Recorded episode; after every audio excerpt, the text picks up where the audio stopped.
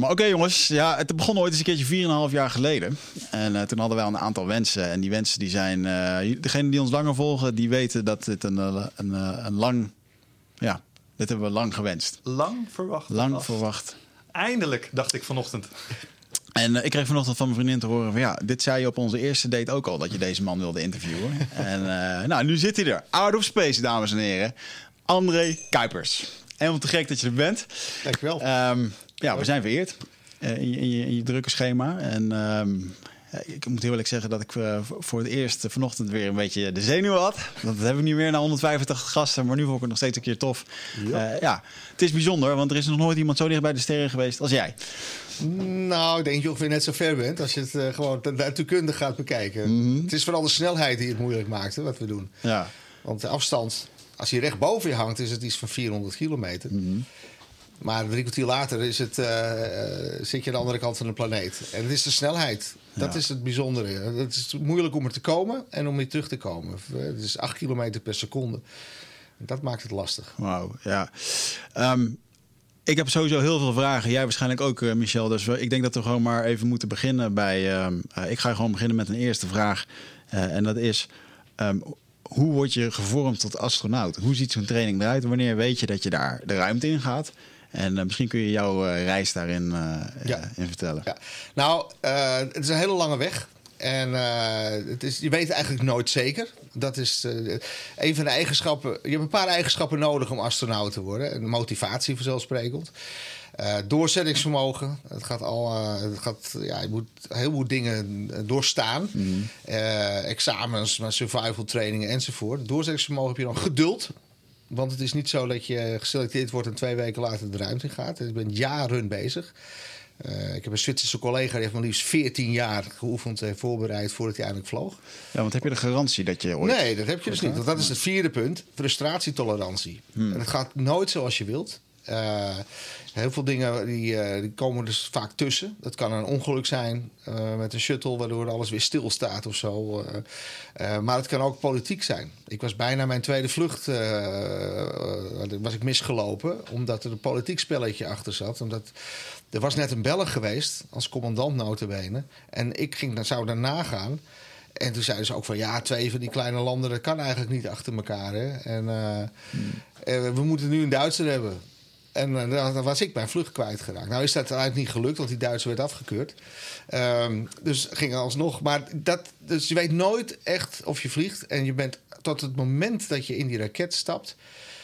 Uh, en dan nog steeds eigenlijk niet. Weet je niet zeker of je gaat. Je weet het pas als je één baan om de aarde hebt gemaakt. Dan ben je pas echt uh, astronaut. Dan ben je pas echt in de ruimte. Dus er is continu het risico dat je droom uiteindelijk na al die inspanning niet verwezenlijk wordt. Ja. Door een medische afkeuring, door een, een, een ongeval, door politieke spelletjes. Hm. Mm. Dat kan.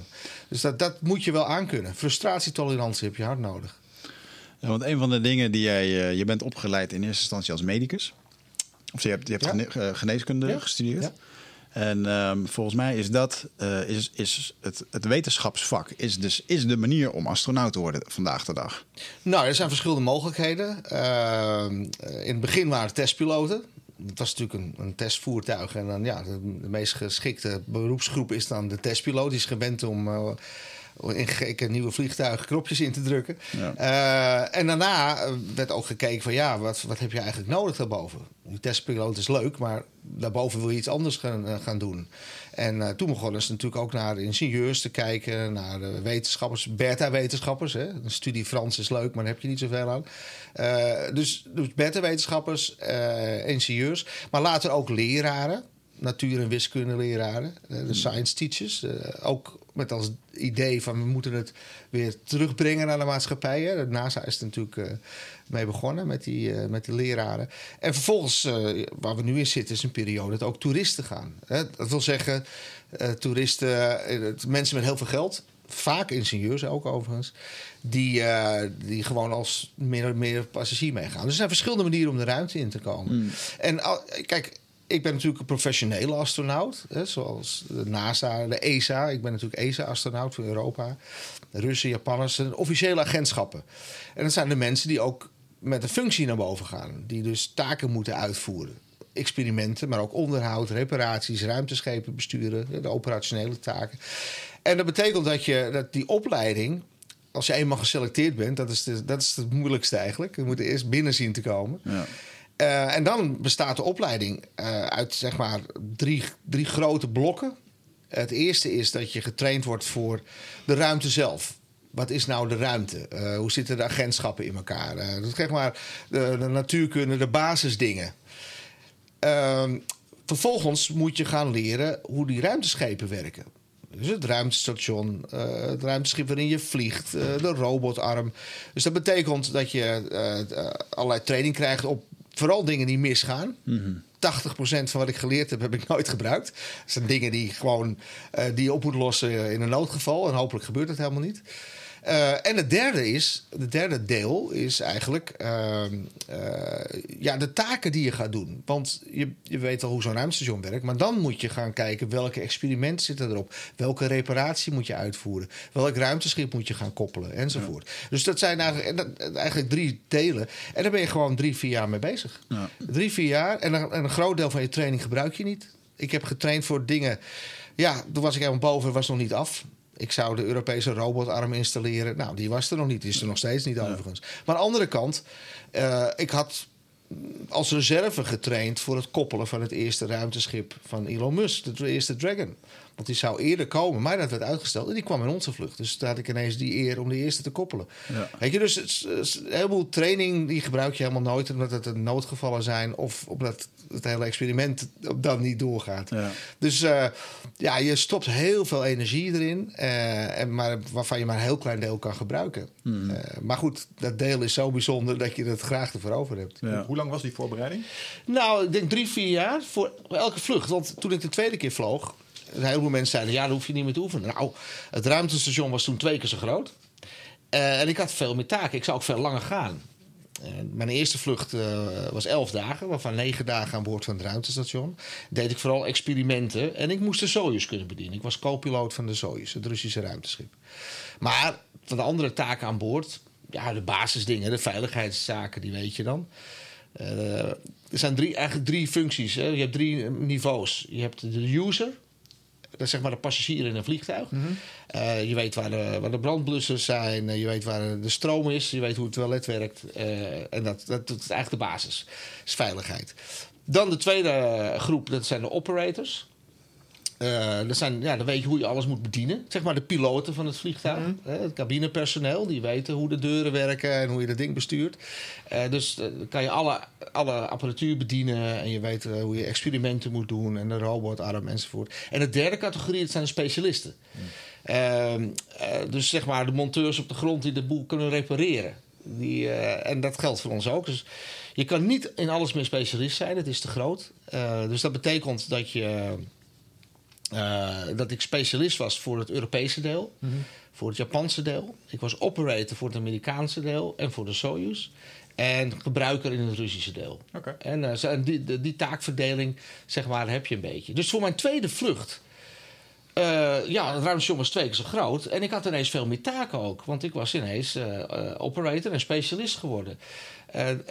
ik moest ruimteschepen koppelen, dat had ik nooit eerder geoefend. ik moest met die robotarm werken, had ik voor mijn eerste vlucht helemaal niet gedaan. het Japanse laboratorium, Europese laboratorium, dat stond helemaal nog niet op de mm. eerste vlucht. Dus was ik weer drie, vier jaar bezig. He, dus voor elke vlucht ben je zoveel jaar bezig voordat je het onder de, ja, onder de knie hebt. En is dan ook nog eens de kans dat je gedurende het opleidingstraject uitvalt? Ja. Omdat je een bepaalde test niet meer kunt halen. Dus je ja. op jaar nul zeg maar, traint ja, verder. klopt. Zou je met zo'n knieblessure hebben kunnen oplopen? Klopt, en dat gebeurt ook, Oh, helaas. En dat is een van de, de grootste angst van astronauten. Uh, dat is afgekeurd worden. Ja. Uh, het geldt voor elke piloot, elke astronaut. Uh, je bent bang voor de dokter. Omdat dat de mensen zijn die je kunnen afkeuren. Ja. Ik ben zelf arts. Ik heb zelf uh, mensen gekeurd en getest voordat ik astronaut werd. Dus heel veel piloten heb ik uh, gezien. Ja, en, en, uh, en, dan weet je, dan zit je aan de andere kant van het verhaal. Ja, ja mensen die een bepaalde afwijking hebben, epileptische aanvallen of zo, of weet ik veel wat. Ja, die kan je niet op een vliegtuig stoppen. Nee. Dus je bent als dood dat ze wat vinden.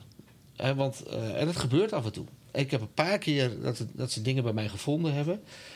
Eh, waardoor ik ineens niet meer mocht vliegen. Ik had mijn schouder op een gegeven moment verdraaid. Had ik netjes gemeld. Nou, ik kreeg meteen te horen... oh, mag dit niet, mag dat niet. Ik denk, oh, dan word je al voorzichtig. Hè, van, Mhm. eh, eh, het bleek uiteindelijk mee te vallen. Want ze zeiden eerst, oh, het moet geopereerd. Nou, dat is, het is allemaal mee, is gewoon allemaal overgegaan. Maar voordat ik het weet ben je vlucht kwijt. Ja. Ik heb eh eh, één keer... eh, eh, het was voor mijn vlucht. Het was kort voor mijn vlucht eigenlijk. En toen... eh, k- ik was al in Rusland, ik zou niet meer teruggaan. En toen kreeg ik een telefoontje van mijn, mijn lijfarts, mijn crew surgeon. Hè, die je altijd begeleidt en zo. Die zei, ja, ja, je moet terug naar Houston, je hebt TBC. Ik zeg, wat? Sorry? TBC? Ik zeg, ik, hoezo? Die test is toch al lang gedaan? Dus de ESA had die test gedaan, een half jaar eerder. Dat was negatief. Maar iemand bij de NASA, die was... eh die nemen ook altijd bloed af voor, me- voor eh, keuringen. En die hadden, keer, hadden dat ook weer meegenomen. Zonder het te vragen overigens. Dat was al niet netjes. Want je moet natuurlijk wel even weten wat ze met je bloed doen. Maar die had ook maar eventjes TBC-test gedaan. En die was positief. En, eh, maar ik had helemaal geen klachten. En ik zei, ik vertrouw dit niks. En daar geloof ik niks van. En ik ga niet eh, mijn vlucht laten verknallen. eh, door dat, door misschien is het vals positief. En ik zeg, laat de Russen het maar overdoen. Nou, de Russen ook weer gedaan, was gewoon weer negatief. Dus twee negatieve officiële regels zijn, dan is het oké. Ja. Maar voordat ik het weet ben je vlucht kwijt Ja. voor een vals positieve uitslag. En dat gebeurt. Op mijn eerste vlucht had ik een bemanning. En, eh, eh, en mijn twee eh, Amerikaanse en Russische collega's en ik zouden gaan. Zij zouden een half jaar blijven, ik zou na elf dagen weer terugkomen. En eh, toen kreeg ik ook een telefoontje. Ja, eh, mijn commandant was afgekeurd. Hartritmestoornissen. En toen was ik nog even bang dat ik dan ook van die vlucht gehaald zou worden. Maar dat deden ze niet, dus ze lieten mij zitten. Amerikaan is toen vervangen. Dat ging vervolgens niet goed, want die had te weinig tijd om een, een goede band te maken met de Russische uh, Soyuz-commandant. Dus toen hebben ze de twee van de, de volgende, de reserve van de reserve, hebben ze genomen. En die zijn uiteindelijk gegaan. En ik was de enige stabiele factor op die vlucht. Nou, Hij heeft uiteindelijk, die Amerikaan die afgekeurd is, heeft uiteindelijk gewoon toch gevlogen. Want het was een vals positieve uitslag. Ja. Dus je bent als de dood dat je afgekeurd wordt, terwijl het helemaal geen reden heeft. Ja. Kijk, ik heb ook een andere collega, die heeft, had inderdaad een, eh, een, eh, aneurysma in zijn hoofd. Een, zwak punt in zijn bloed. Nou, gelukkig hebben ze dat gevonden. Anders had hij zo dood neer kunnen vallen. Ja. Eh, dus die vloog niet meer. Maar ja, die, had, eh, die leeft wel. eh, die kan gewoon 100 worden nu. Ja. Eh, maar ja, dus die keuringen die zijn altijd heel spannend. Ja. En je weet nooit zeker of je gaat. En hoeveel actieve astronauten zijn er op enig moment vliegklaar? Want ik hoor je zeggen, we hebben reserves, we hebben ja, reserves. We kunnen dus blijkbaar vanuit die verschillende landen kunnen we er een aantal gewoon Ja, ja. opschalen. Nou ja, je kan het ongeveer uitrekenen. Stel, eh, eh, je hebt eh, vier vluchten per jaar. Dus die, die bemanning heb je. De reserve daarvan. het zijn niet een hele nieuwe groep van vier. Van, van twaalf wordt het. van, van twaalf dan. Dat niet, want je bent een half jaar van tevoren reserve voor je, voor je komende vlucht. En dan ben je al drie jaar bezig. Dus je hebt, je hebt heel veel, ja, je hebt tientallen mensen die in training zijn. Ja. In een vroeg of laat stadium. Eh, en eh, eh, heel af en toe vallen mensen uit. Dat klopt. Maar er zijn eh, een hoop mensen in, in voorbereiding, in training. En Ja. eh, het is soms moeilijk te zeggen, want we hebben nu ook, we hebben nu ook Chinezen. Maar we weten we niet wanneer die in training zijn. Eh, we weten niet veel van, eh, ik, ik althans weet niet veel van wat de plannen nu zijn. Eh, en we hebben nu de commerciële vluchten. eh, Waarbij, waarvoor ook astronauten in training zijn. Ja. Dus het, ja, het is best een. eh, Best een pooltje mensen. Ja, Ja. ja, eh, en als je niet in training bent, dan doe je collateral duties.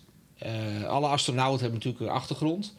Eh, en je, je, dan ben je gewoon Capcom of Eurocom in, in, voor Europa. Degene die praten met het ruimtestation, dat, dat doe, ik- doe je vanuit eh München in ons geval. Dus dat is een taak die je hebt. Je kan eh, ehm, eh, collateral duties doen eh, in de vorm van eh, crew reviews. Eh, dan ga je naar allerlei bedrijven toe die apparatuur ontwikkelen voor de ruimtevaart. En dan ga je als gebruiker, als eh, ervaringsdeskundige, ga je dat testen Ja. met de echte procedures. Paraboolvluchten, die doe ik nog steeds. dus gewichtsloosheidsvluchten Ja, ja, ja. vanuit Bordeaux. Eh, dus dat soort ta- taken. Ja. Ik zat in een veiligheidscommissie, in een medisch-ethische commissie. Dus ja, je, je bent druk bezig tussendoor. Ja. Maar je hoopt natuurlijk dat je een nieuwe vlucht krijgt. En dan kan je weer gaan trainen.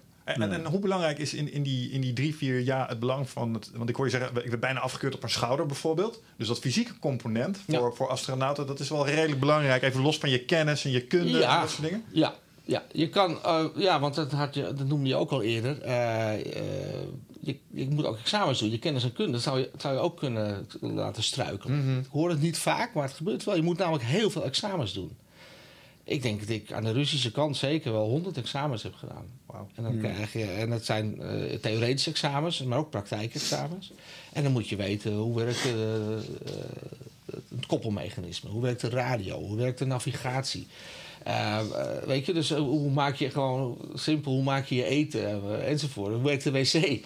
Je krijgt er ook examens in. Zijn alle astronauten in dat opzicht operators? Om, Sommige dingen wel. De basisdingen moet je weten. ja, dus we kunnen allemaal deur open dicht doen. Allemaal dat ding manoeuvreren als het nodig is. Klopt. De basiszaken die weet elke astronaut. Eh, en eh, voor de veiligheid gewoon. Want het, misschien ben je wel de enige die moet vluchten. Nou, Redundante uitvoering. ja, nou, absoluut, absoluut noodzakelijk. Je moet weten waar de brandblussers zijn. Eh, je krijgt, en dat het grootste deel van de training is ook emergencies. Ja. Eh, wat doe je als er brand is? Wat doe je als er een lek is? Wat doe je als er giftige stoffen ontsnappen? Ja. En dan, ga je ook, dan krijg je drills. En ze pompen er ook echt rook in, enzovoort. Je moet echt met maskers werken. Zo, zo realistisch mogelijk maken. Eh, een van de mooie trainingen ehm, eh, in Rusland was een, een hele grote hypobare tank. Dus een enorme ruimte die ze, waarbij ze de lucht echt weg kunnen pompen. Ja, ja, ja. En daar staat het ruimtestation in, een deel. En als dan de druk wegvalt, dan voel je dat ook echt in je oren. Weet je, het is heel realistisch. En, en, en een van de, op een gegeven moment heb ik een experiment, even een, een, training gedaan met mijn eh, eerste bemanning. En als er een lek is, dan moet je het lek gaan zoeken. En dat moet je op een bepaalde manier doen. Hè? Dus je hebt drukmeters en dan moet je een luik sluiten en kijken of de druk eh, gelijk blijft. Ja. Blijft die goed, dan zit het, luik, eh, zit het lek aan die kant. En dan kan je weer een stukje verder kijken en dan kan je het isoleren, vinden, misschien zelfs dichten. Maar je moet wel zorgen dat je het slim doet, aan de goede kant. Wij hebben een fout gemaakt dat we op een gegeven moment een luik dicht deden, meten en de druk ging omlaag. Dus het, het lek zat aan deze kant. Alleen het luik, dat ging naar buiten toe open. En dat lukt niet meer. Zodra er maar een beetje luchtdrukverschil is, krijg je dat luik niet meer open. Dus in werkelijkheid waren we gewoon de klos geweest. Ja. Weet je, want het, het lek bleek in onze Soyuz te zitten. Eh, en dan, eh, ja, dan, en als het een groot lek is, dan heb je, dan, dan heb je niet op tijd eh, je ruimtepak aan en, enzovoort. Ja. Dus dat zijn hele goede trainingen. Hè? Als de dingen die je fout doet, die onthoud je natuurlijk het beste. Even om een indruk te krijgen. Hoeveel, hoeveel tijd heb je op het moment dat je een... Bijvoorbeeld, we hebben een lek de grootte van een, een, een ouderwets duppie. Ja, nou, dat, dat duurt wel even. Oké. Nou, een duppie is wel groot. Dat zal je wel horen en voelen. Ja. Ehm, eh, maar we hebben de drukmeters. We hebben natuurlijk automatische systemen die dat registreren. Ehm, eh, en dat kan je eventueel nog dichten, hè, van, die, van die plugs. We, we worden Ik zie de hele getraind. tijd door dat ISS zijn dobberen met duct tape, weet je wel. Nou ja, duct tape aan de muur. ideaal. Duct tape wordt heel veel gebruikt. Niet om een lek te dicht, maar duct tape is heel handig, want alles zweeft. Dus duct tape is ontzettend. Dan draai je het binnenste buiten. Dan heb je twee kanten plakken. Ja. Ja, en dan ja, kan je heel makkelijk eh, een, eh, zeg maar, eh, nou een lepeltje gebruik je dan niet, maar eh, zeg maar een pen of, Ja, ja. of zoiets of eh, of iets, iets vastmaken. Dus dat wordt heel veel gebruikt. Duct tape zie je overal in het ruimtestation. Ehm, maar je, je, kan, je hebt ook van die plugs waarbij je dus echt, eh, hè, want de druk zit van binnen. Mhm. Dus stel dat er ergens een lek is, dan drukt de, de, de, de, de luchtdruk die drukt zo'n plug goed tegen het lek aan. Als het dan vlak oppervlak is natuurlijk. Dus dat soort apparatuur hebben we aan boord. Maar afhankelijk van hoe groot het gat is... daar is natuurlijk de tijd van afhankelijk. En eh, het is best een groot volume. Het ruimtestation dat is iets van 1200 kubieke meter. Een beetje afhankelijk van of er vrachtschepen gekoppeld zijn. Dus je hebt wel even de tijd. Hè, en eh, en we moet, een van de eerste dingen die je ook doet als er een, eh, een lek is, dat je gaat instellen. Wanneer, hè, dan gaat het alarm af. Dan zeg Ja. je, nou, zoveel millimeter. Eh, dan gaat het eerste alarm. En als het tweede afgaat, ja, sorry, dan moet je echt weg. Want het lukt niet meer dan om het op tijd dicht te Ja. krijgen. Dus dat oefen je. Je, je zegt 1200 kubieke meter, gewoon even om een indruk te Ja. krijgen hè, van, de- van dat spaceship. Stel, we pakken een gemiddelde stadsbus. Gewoon, want ik zie er altijd van die, van die tunnels. Ja, dus ik nou, dat is geen me voor- 1200. 1200, eh, dat is ongeveer een groot passagiersvliegtuig. Een groot passagiersvliegtuig. ja 747 of zo. Of, eh, eh, dat, dat, dat, is, dat, dat is 1200 kubieke meter. Oké. En, En dat, dat zijn, ja, je moet het voorstellen, het ruimtestation, dat zijn allemaal caravans aan elkaar geplakt. ja. Eh, iets van 14 van die modules, eh 4 meter doorsnee. En, eh, en eh, ja, het, zo moet je het voorstellen. allemaal Van die grote beschuitblikken die aan elkaar Ja, zitten. ja, precies. En, en ik hoorde je al zeggen, sommige van die blikken ehm, zijn van de US, andere zijn van Europa, weer andere Ja. stukjes zijn Ja. Chinees. Nou, Chinees niet. Chinees, eh, Amerika is niet zo'n grote fan van China, zoals je weet. Eh, dus die mogen nog niet meedoen. Eh, Europa doet wel dingen samen met China, maar dan vooral wetenschappelijk. En dan gaan we het astronauten af en toe trainen. Mhm. Dus er is wel wat contact, maar ze doen niet mee met het eh, internationale ruimtestation. Nee, het zijn de, de, de, de partners zijn eh, Amerika, dat is het belangrijkste met Rusland. Eh, ehm, die- Rusland heeft twee, drie, vier modules. Amerika heeft ligt een, een koppelstukken, een groot la- lab, een airlock, Note 2, overigens gebouwd door Europa, sommige van die nodes, de koppelstukken. En dan heb je een Europees lab, een Japans lab. En Japan heeft ook nog een robotarm. En Europa die bracht in mijn tijd af en toe vrachtschepen. Dus zo heeft iedereen draagt een steentje bij. Ja. Canada doet dat vooral met robotica. Die hebben een grote ro- robotarm en een, en een speciale arm met meerdere armen erop. Eh, dus dat is hun specialiteit. Zo Ja. draagt iedereen wat bij. Maar dat zijn dus gewoon stukjes geleverd door die desbetreffende landen. Het is niet zo dat eh, de Japanse astronauten gewoon lekker in hun Nee. stukjes zitten en jullie dan in jullie stukje. Dat, zo is het niet. Nee, nee, nee. nee. Het is internationaal ruimtestation. Je moet ook overal trainen, ook voor de veiligheid. Eh, de taal is officieel Engels, Mhm. maar de Russische kant spreken ze Russisch met de grond. En de, de opschriften van de panelen die zijn tweetalig bijvoorbeeld. Ah ja. Ehm, maar ja, ja, je moet overal experimenten doen. Ik moest ook in de Russische module moest ik bijvoorbeeld eh, luchtkwaliteit meten of stralingsmeters ophangen. Eh, dus ja, je, de- het is wel een beetje gescheiden. Want op de grond zijn ze natuurlijk allemaal weer aan het rekenen. Van eh, ja, ze doen te veel daar of doen te veel daar. Voor ons maakt het niks uit. Nee. We zijn één team. We proberen ook elke dag het, eh, het diner eh, samen te doen. Eén keer bij de, aan de Russische tafel. eh, dan weer bij de, in, de- in het middenstuk enzovoort. Ja. Dus nou, die, die contacten, die, eh, de sportfaciliteiten, die delen we. Dus, ja. Word je daar nog op geprept op dat stukje internationale samenwerking? Want ik kan me voorstellen dat dit een heel precair teamspel is wat je daarboven speelt. Nou, op de grond vooral. Ja? Boven is het vooral, eh, we zijn één team. We zitten Ja. allemaal letterlijk in hetzelfde schuitje van ons schip. Ja, ja. Eh, en eh, je kent elkaar lang al. Je hebt al jaren getraind. Je doet veel individueel, maar ook als team. Ook met een andere bemanning. En er zit, het werkt zo, we hebben twee lijnen. Eh, er zijn altijd al mensen boven. De- dus je hebt drie mensen, die zijn boven. Dan komen er op een gegeven moment een nieuwe bemanning. En dan ben je met z'n zessen. Nou, de eerste bemanning gaat een tijdje weg. Dan ben je twee weken even met z'n drietjes weer. En dan komt er een nieuwe bemanning. Dus je, je overlapt steeds. Dus die, ik ben, mijn tweede vlucht is, ik ben totaal negen mensen aan boord. En, eh, ja, dat, dat- en daar heb je ook mee geoefend. Want als er in het eerste deel brand komt, of in het tweede deel, ben je met een andere bemanning. En iedereen heeft zo zijn taken. Van eh één bemanning eh, die al lang aan boord is, die gaat de boel oplossen. Eh, of de nieuwe bemanning gaat die de boel oplossen. En gaat de oude bemanning in de Soyuz vastwachten. Dus daar wordt, wordt al naar gekeken. Eh, dus je oefent ook. Welke taak, wie heeft welke taak? Als er brand is. Eentje moet kijken waar de kortsluiting is. De andere moeten de brand op gaan sporen. Moet je altijd met z'n tweeën doen. Hè? Dus, dus zo, zo, zo train je. Dus die, die andere bemanning die ken je. Ja. Je traint in Japan, je traint in Rusland. En het is inderdaad wennen.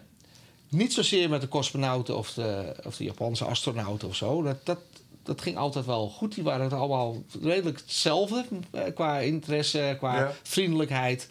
Maar, eh, maar de cultuur van zo'n opleidingscentrum is anders. Als je in Rusland in eerste instantie komt, dan denk je: jeetje, iedereen lijkt wel boos op mij. Of Ja. zo. Het is veel norser. Tot je een keer gewoon eh, met ze doorzakt en, eh, enzovoort. En dan zijn ze heel loyaal. Ja. zijn vrienden voor het leven, weet je. Als ze gewoon voelen van, je bent oké. je bent een van ons. Je bent niet een arrogante eh, Amerikaan of zo.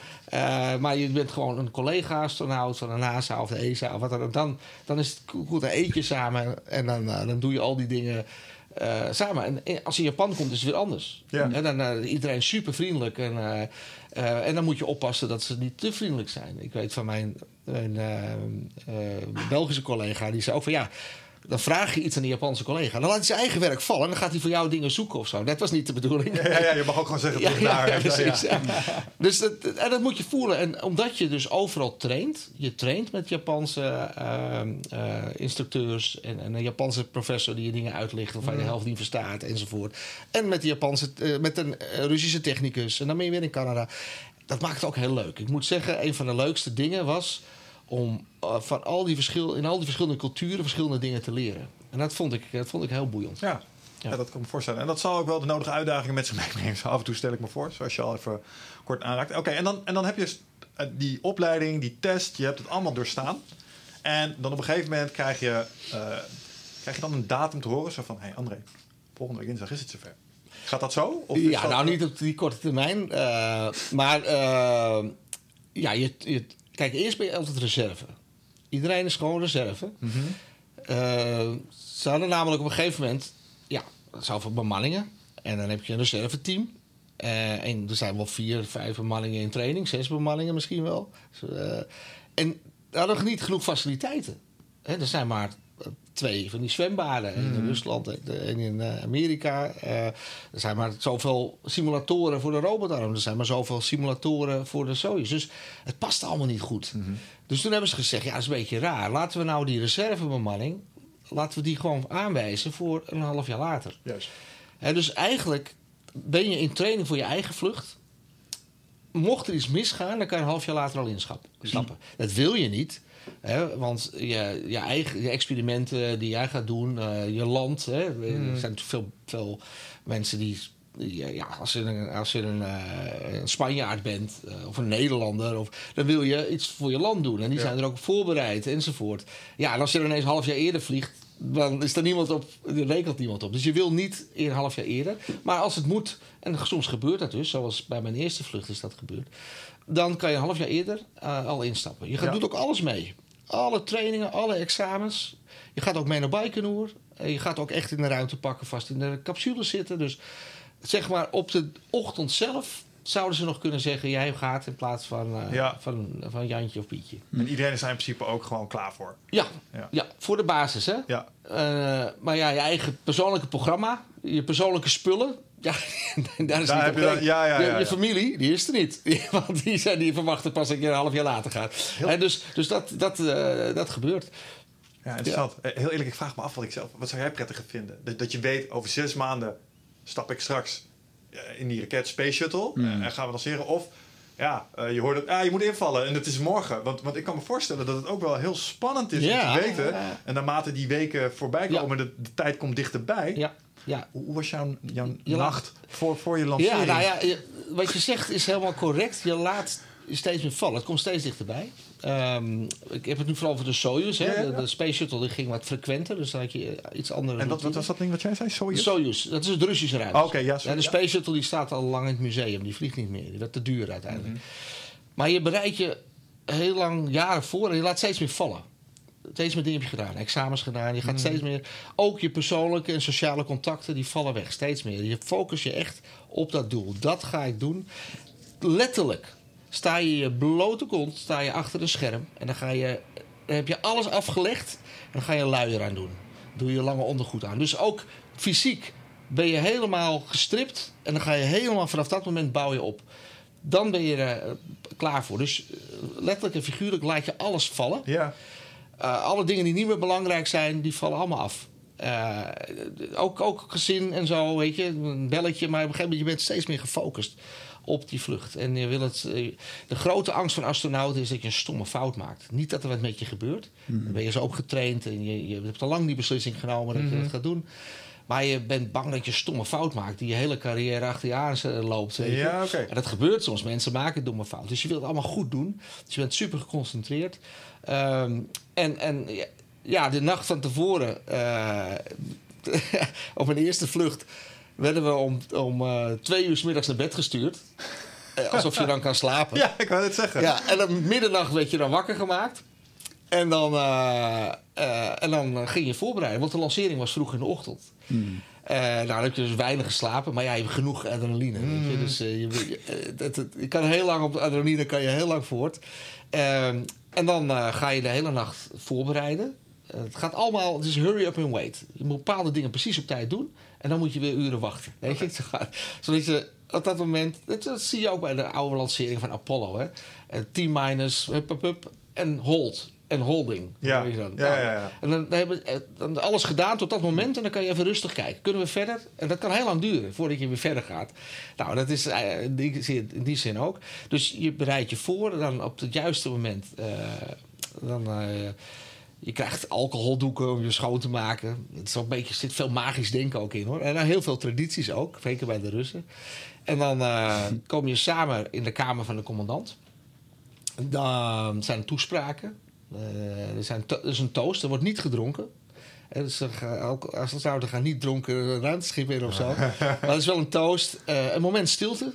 Iedereen gaat zitten, heel korte stilte. Dan gooit er iemand traditioneel een glasstuk in de hoek. Eh, Russische Ja? traditie. Dan loop je naar buiten en dan zet je de handtekening op de deur van je kamer. Dan worden we gezegeld. Een Russisch-orthodoxe priester. Die, die gezegeld is eh, ons ook echt. eh, met rookwater. En dan loop je naar buiten. Maar vast tramien is dat. Dan loop je naar buiten door een haag van mensen naar de bus toe. Eh, dan ga je met de bus ga je naar het lanceerterrein. Dat is 12 uur rijden of zo. Dat is best ver. Ja. Zo'n raket wil je niet in, een- in een stadje lanceren. Dus het is end, end de woestijn in. Eh, de reserveman doet alles mee. Maar dan in een tweede bus. Die rijdt achter ons aan. Dan ga je naar een gebouw waar er pakken aangedaan daar, daar staat, eh, daar is de raket nog gebouwd. Daar worden pakken aange- aangedaan. Mensen hebben kapjes voor om ons niet te besmetten. Dus die quarantaine die iedereen nu een beetje. Jij bent dit eh, gewend. Ja. Kijk, alle astronauten zitten twee weken lang in quarantaine van tevoren. Mensen achter glas enzovoort. Zodat wij niet op het laatst nog een of ander virus meenemen. Ehm, dus die pakken we, die, eh, dan gaan we het eten. Eh, het gaat allemaal, dan gaat het redelijk relaxed, rustig, even wachten. aan de volgende aan de beurt. Nou, dan moet je inderdaad je luier aan doen. Lange ondergoed. Je krijgt ECG op hè, voor het hartfilmpje. Eh, en dan ga je je ruimtepak aantrekken. En, en allemaal keurig bij geholpen. Eh, als je de ruimtepakken aan hebt, dan gaan we nog even naar eh, een, een grote glaswand waar, waar de familie en hoogwaardigheidsbekleders achter zitten. Nog even zwaaien naar iedereen. Ehm, we hebben ventilatoren aangesloten, want anders is het veel te heet. Dus, eh, Zo'n ruimtepak is een soort rubber zak waar je in zit. Dus ventilatoren. Eh, dan eh, loop je, ook vaste tijden, loop je over een plein. Waar mensen aan de zijkant staan naar vier geschilderde vierkanten op de grond. Daar moet je in gaan staan. Voor de commandant en de eerste en tweede boordingenieur. En dan staat de leden van de commissie die nog even officieel gaan zeggen. Eh, eh, je bent geslaagd of je gaat de ruimte in enzovoort. Dan ga je naar de bus. Ehm, en met de bus ga je naar het lanceerplatform. Nou, er is ook weer een traditie ontstaan. Eh Yuri Gagarin, eh, die had een volle blaas, denk ik. En die stopte, de bus stopte halverwege. En hij stapte uit, plaste tegen de wiel van de bus. Traditie. Waarschijnlijk ook weer overgenomen uit het verleden. En sindsdien doet elke astronaut dat. Of cosmonaut, hoe je het noemen wilt. Dus iedereen stopt. En dan doe je de onderkant van je pak open. Ja, zeg, zit daar een rits in? Ja, daar zit een rits in. En dan plas je tegen de onder... En die pakken zijn net getest, hè, of ze Ja. nog dicht waren. Dus op zich is het raar dat je het weer openmaakt. Ga je plassen. Eh, en dan is het pak dus open. Eh, er, is, er circuleert wel een foto. Officieel mag niemand daar foto's van nemen. Niemand Nee. mag ook kijken. Maar goed, iedereen, eh, dus dat is een traditie. De vrouwelijke cosmonauten doen dit overigens niet. Ik wou vragen, hoe lossen die dit op? Ja. Die doen dat niet. Maar dan ga je weer... En dan is het pak dus open. Hè, of, eh, er zitten, in die rubberzak zitten twee openingen, groot en een klein. En die kleine is dan open. Eh, dan, heb je, dan, dan moet weer dicht. Met twee rubberbandjes wordt het weer dichtgemaakt. Eh, en dan is er ook een, een ja, publiek geheim. Eh, dan neem je iets mee voor je collega's boven. Dus ik had Hollandse kaas bij me. Mijn Spaanse collega had Spaanse ham mee. Als er, als er iets voor mensen boven. Dat smokkel je Ja, mee in je smok, pak. smokkel je mee. En, en dan, op mijn eerste vlucht was dat nog een mooie anekdote. Want ik, ik, ik, las in met april en met paas. Ik denk, leuk, ik neem paaseitjes mee voor mijn collega's. Maar ik zei net, het is hartstikke warm in zo'n pak. dus ik had ze gelukkig in een, zip, een ziplock bag gedaan, maar het was niet meer aan, was het was niet meer aan te bieden. Ja, het was allemaal gesmolten, gesmolten chocola. Eh, en dan, eh, ja, dan, eh, dan loop je. En dan is weer een commissie. Dus je stapt uit die bus. Moet je weer voor een stel mensen eh, vergroeten enzovoort. Echt allemaal van die vaste dingen. Dan loop je begeleid. Hè, dus dat je niet op het laatste moment nog valt. Het is moeilijk lopen in zo'n ruimtepak. Een beetje ruimte A ben je erin. Eh, dus je wil niet struikelen. Eh, dan naar de trap. Dan klim je die trap op. Naar, hè, naar een lift toe. En dan nog even zwaaien iedereen. Er zijn veel mensen om je heen. Dat is, die quarantaine is dan ineens niet meer geldig of zo. Maar Ja, een hoop mensen die ineens om je heen staan. Iedereen wil daarbij zijn natuurlijk. En dan eh, zwaaien. En dan ga je een heel klein liftje in met, met twee begeleiders. eh, technici die je moeten helpen naar boven. En dan ga je met het liftje omhoog naar nou, 50 meter, denk ik. Eh, dan heel gammel allemaal. En dan, tenminste, het voelt gammel. Het is heel stevig, want het, sinds de jaren 60 wordt het al wel gebruikt. Ehm, daar is de enige opening in de raket. Dus bovenin is maar één luik. Dat is niet groot. Uh, nou, het zal zijn een meter. Iets, een meter 20 doorsnee of zo. Uh, daar moet je door binnen kruipen. In je eentje. Want het is te krap. Dus dat, dat is raar. En ik moest als eerste. Want ik, ben, ik was boordingenieur 1. Hè, de co-piloot. Zit je aan de linkerkant. Die gaat het eerste erin. Dus je kruip je in die kleine leefmodule. Daar beneden zit een luik voor de ruimte waar de stoelen zitten. Dus dan moet je voorzichtig afdalen langs het luik. Moet je oppassen dat je geen knopjes indrukt of schakelaars omzet en zo. Moet je echt voorzichtig mee zijn, want voordat je het weet, je schakelaar omgezet. Ja. En nou, dat lanceren, dat, dat, doen ze vanaf de grond gelukkig. Maar ja, je kan allemaal dingen verknallen, waardoor de boel in de war raakt. Um, en dan laat je je zakken. Dus het is heel krap allemaal. Het is een soort, soort speleologie. Dus het voelt niet als ruimtevaart. Het voelt alsof je in een van de grottenstelsel zit. En dan, dan zak je langs dat luik naar beneden. Heel voorzichtig. En dan kom je in de stoel van de commandant. Dan moet je dat luik moet je boven je dicht doen. Anders kan je niet opschuiven. Het zit allemaal zo krap, weet je. Dus het dat luik doe je dus weer dicht. Zit je eventjes helemaal alleen in die capsule. Boven die raket. Dan schuif je voorzichtig op naar je eigen stoel. Oppassen dat je riemen en je zuurstof, dat het niet onder je zit, want dan kom je er niet meer bij. Dus je moet het allemaal keurig wegleggen, en dat je echt alleen maar die stoel onder je hebt. En zodra je daar zit, uh, dan kan het luik open en dan kan de collega aan de rechterstoel en uiteindelijk de Russische commandant in het midden erin. En ondertussen ga je aansluiten. Je radio, je zuurstof, ventilatie, uh, je ECG, hè, dat hartfilmpje. Dat zijn vier kabels die je aansluit.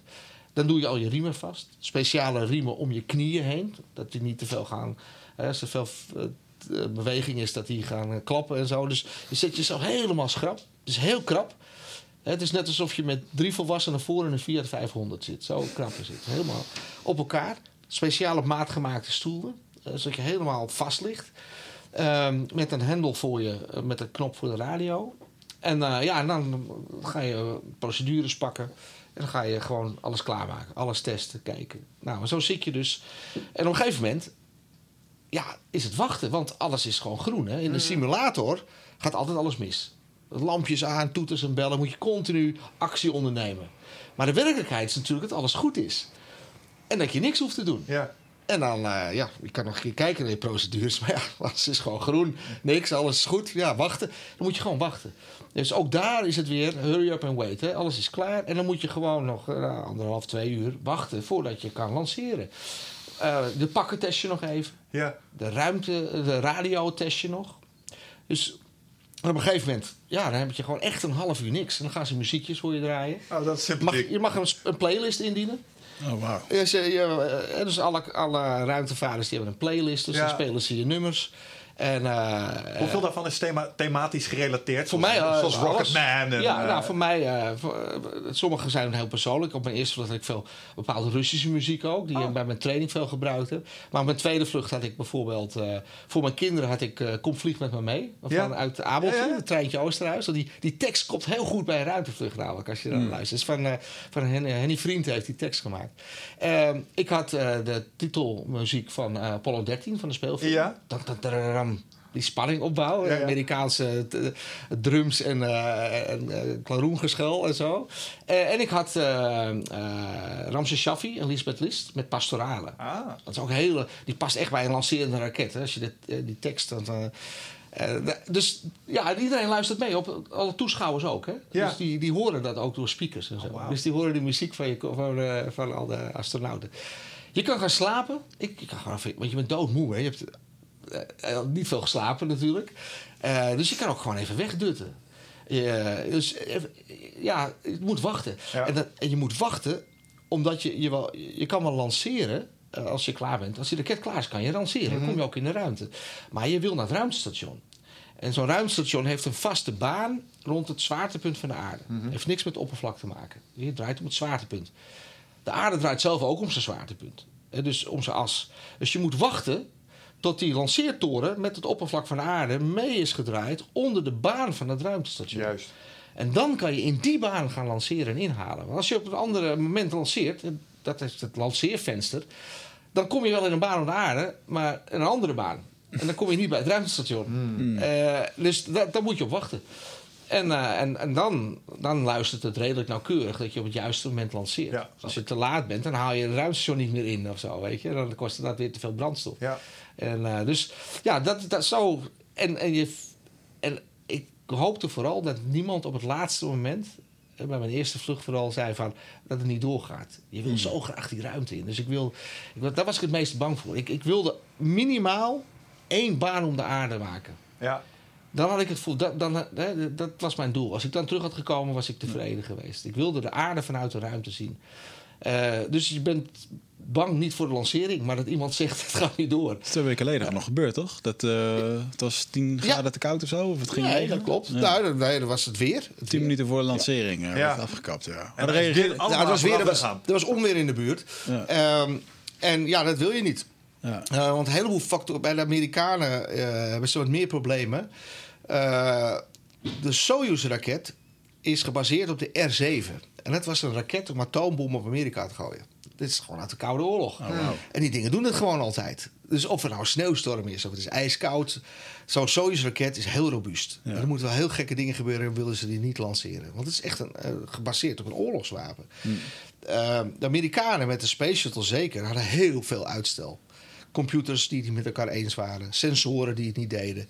Maar ook als er een zandstorm was in Marokko... konden ze niet lanceren. Want een van de... Stel dat het gaat halverwege lancering mis... dan moesten ze in Marokko landen. Eh, of in Zuid-Spanje. Er waren verschillende plekken in Afrika. Eh, maar dan moest het weer dus ook goed zijn. Ja. Dus er waren heel veel factoren.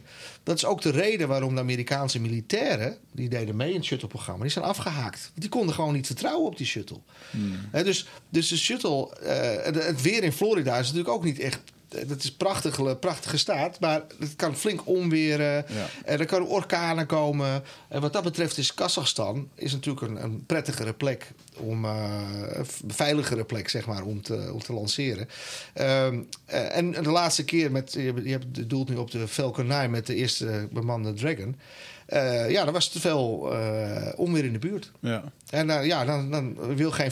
Kijk, er is geen noodzaak om te lanceren. Ja. Dus dan dan stel je het liever uit. Ja, ik vond dat ze dat heel sportief oppakten. Dat, eh, Ja, maar ze zijn het wel gewend. Ja. Ik bedoel, deze astronauten hadden eerder met de shuttle gevlogen. En eentje had geloof ik drie keer al uitstel gehad van zijn shuttle. Oh. Eh, dus ja, dat is... eh, En je weet, als je in, dit, in die business zit, safety first. Ja. Dat is gewoon, je wil, er zijn collega's omgekomen met de Challenger en eh, Columbia. En ja, dat waren zeker Challenger was vermijdbare fout. Er zat druk achter van het management. Het was Challengers 1986 was veel te koud. Eh, heel vreemd voor Florida, maar de ijspegels hingen aan de raket. En toen hebben ze nog wel even gecheckt met de ingenieurs die die vaste brandstofraketten van de shuttle hadden gebouwd. Thiokol. Eh, kan dit? En die zeiden, ja, we hebben het nooit getest bij die temperaturen. Eh, en toch is het gepusht. Ja. Nou, inderdaad, door de kou waren die rubberringen tussen de verschillende onderdelen van die opduurraketten, die waren te bros. De, de hete gassen die drongen door die ringen heen en schoten in de grote hoofdtank. Vloeibare zuurstof en waterstof. Ja, één Wauw. grote bom. En dat was druk van het management. Dus safety, daarom is het ook duur. Ruim- beman- Bemenste ruimtevaart. Ja. Eh, Omdat er gewoon zoveel veiligheidsfactoren aan vastzitten. Want je wil geen mensenlevens verliezen. Ja. En eh, ja, dus af en toe worden dingen uitgesteld. En als astronaut, prima. Jongens, als jullie denken dat het niet veilig is, dan eh, Ja. hoef ik ook niet per se. Ja, maar daar, van- vandaar wel facet 4 van jouw vier eigenschappen van een eh, astronaut. Want het lijkt mij heel moeilijk. Stel je voor, je hebt een MMA-partij gevochten. Dat je, en daar zit een bepaalde. en We komen uit de vechtsport en dan ga je een partij draaien. Ik kan me voorstellen dat het een klein beetje een fractie is van wat jullie voelen in die. Hè, want dat is heel spannend en dan gaat er gebeuren. En dan wordt het afgezegd vijf minuten voordat je moet knokken. tuurlijk. En, en dan ga je nog een keer, train je er naartoe. En dan wordt het weer vijf minuten. En, Ja. en Ja, dat je moet die- wel uit een bepaald hout gesneden zijn als mensen. Omdat die derde keer denken, fuck it. En als de vierde keer misgaat, zit ik er ook weer de vijfde Ja, keer. nee, maar dat is die frustratietolerantie die je nodig Ja, hebt. dat vind ik echt knap. Ja, ja. nou ja, dat, dat- eh, het is leuk dat je het vergelijkt, maar eh, ik vergelijk dat, eh, zeg maar de ruimtevaart, de astronauten heel erg met topsporters. Ja, ja, ja. Je moet een beetje obsessief zijn. Eh, je bijt je vast in het doel. Je wil dat doel halen. Je wil Nederlands kampioen worden. Eh, dan wil je Europees kampioen worden. Mhm. Wereldkampioen. Weet je, je wil. je- je- Het is vechten tegen jezelf. Je wil het halen. Alles moet wijken. Ik zal niet over lijken gaan, maar voor de rest, als mijn en mijn vriendin toen had gezegd van ik wil niet dat je dat doet, had ik het toch gedaan. Ja, daar was je voor Je gaat ja. er toch voor. Eh, en, en dat is heel vergelijkbaar met die topsport. Dus, eh, eh, dus, dus een beetje obsessief is het. Ja. Ehm, en het is dus heel frustrerend als het dan niet doorgaat. Met het risico dat je misschien ziek wordt in de tussentijd en alsnog niet kan gaan. Ja, dat is heel vergelijkbaar. Ja. Ik, ik, zie- als ik die topsporters bezig zie en, en die, die opbouw van hun training en, en de spanning, en, dat herken ik heel veel in. Heel veel. Hey eindbaas en luisteraar, dankjewel dat je zit te luisteren naar deze podcast. Ik onderbreek hem eventjes voor een hele belangrijke boodschap. Of misschien liever gezegd een uitnodiging. Want op 24, 25 en 26 mei, dan is er weer een nieuwe editie van Rite of Passage. Dat is mijn retreat voor persoonlijke ontwikkeling. En speciaal voor de mensen die op zoek zijn naar, ja, naar helderheid. Of dat ze lastig bij hun gevoel kunnen komen. Dat ze moeilijke beslissingen moeten maken. En dat ze zo ontzettend in hun hoofd zitten ja, dat ze er eigenlijk gewoon niet meer goed uitkomen. Of dat ze misschien al heel lang in een, ja, een soort van oud gevoel zitten. Dat ze dat gevoel willen transformeren. Of misschien wil je gewoon een oud stuk achter je laten. Ergens een punt achter zetten. En ja, zoek je misschien heling op iets wat, wat je te lang hebt weggeduwd of, of hebt vermeden. Daarvoor wil ik je uitnodigen op 24, 25 en 26 mei om in een retreat mee te doen waar de inhoud van het programma geheim is. Waar de belofte is dat het oncomfortabel wordt. Want jij begrijpt als geen ander dat als je die volgende stap wilt maken, ja, dan zul je uit de comfortzone moeten komen. En ik garandeer je, laat mij dat proces begeleiden met jou voor drie dagen. En je leven zal daarna nooit meer hetzelfde zijn. Eh, Gemiddeld beoordelen de deelnemers het met een 9,2. En daar ben ik ontzettend trots op. Er is ook een money back guarantee. Heb je de drie dagen vol, volbracht en vind je het niks, krijg je gewoon je geld terug. Dus het enige risico wat er is, is dat je gelukkiger kan worden. Ik zie je op Bride of Passage. Ga naar wichertmeerman.nl en klik op Retreat. Ja. Hey, en, en dan is het zover. Dus de, de, je zit in die raket en dan heb je muziek, heb je gehoord. En nou, op het laatst niet meer hoor. Dan, eh, Het, dan het is dus niet alles- zo dat ze tijdens de lancering die muziek spelen, want dat lijkt me eigenlijk Nee. mega vet. Alleen dan is het wel zoiets, wat gaan we luisteren, denk ik, omdat iedereen Nee. daar wel een liedje voor heeft. Nee, want we, moeten, we praten met de grond. En, Ja. eh, dus, eh, dus op een gegeven moment dan wordt, het, eh, dan, eh, wordt iedereen weer wakker, zeg maar. Ja. En dan eh, krijg je de laatste krijg je steeds mededeling van de grond. Nou, nu gaat eh, de, de, de brandstofleidingen gaan eraf. Eh, dan ga je op eh, autonome power, dat je dus op je eigen batterijen gaat. Alles klapt weg. Wij hebben wel een klok, hè, dus wij weten wel wanneer we gaan lanceren. Eh, eh, maar het publiek ziet dat in Baikonur zien ze het niet. Weet je, dat, eh, het ding gaat ineens. Ehm, en, en dan is het vooral de commandant geeft steeds berichten door aan de grond. We, communiceren allemaal wel af en toe. Hè? Dus maar de commandant geeft steeds door van... oké, we doen dit, doen dat, vaste stappen. Het is automatisch, de lancering. We hoeven niet zelf knoppen in te drukken. Dat wordt gedaan in, een, eh, in een bunker vlakbij de lanceertoren. Ik ben daar ooit eh, geweest. En het is gewoon, wat ik al zei, van een eh, atoomraket. Het zijn twee sleutels.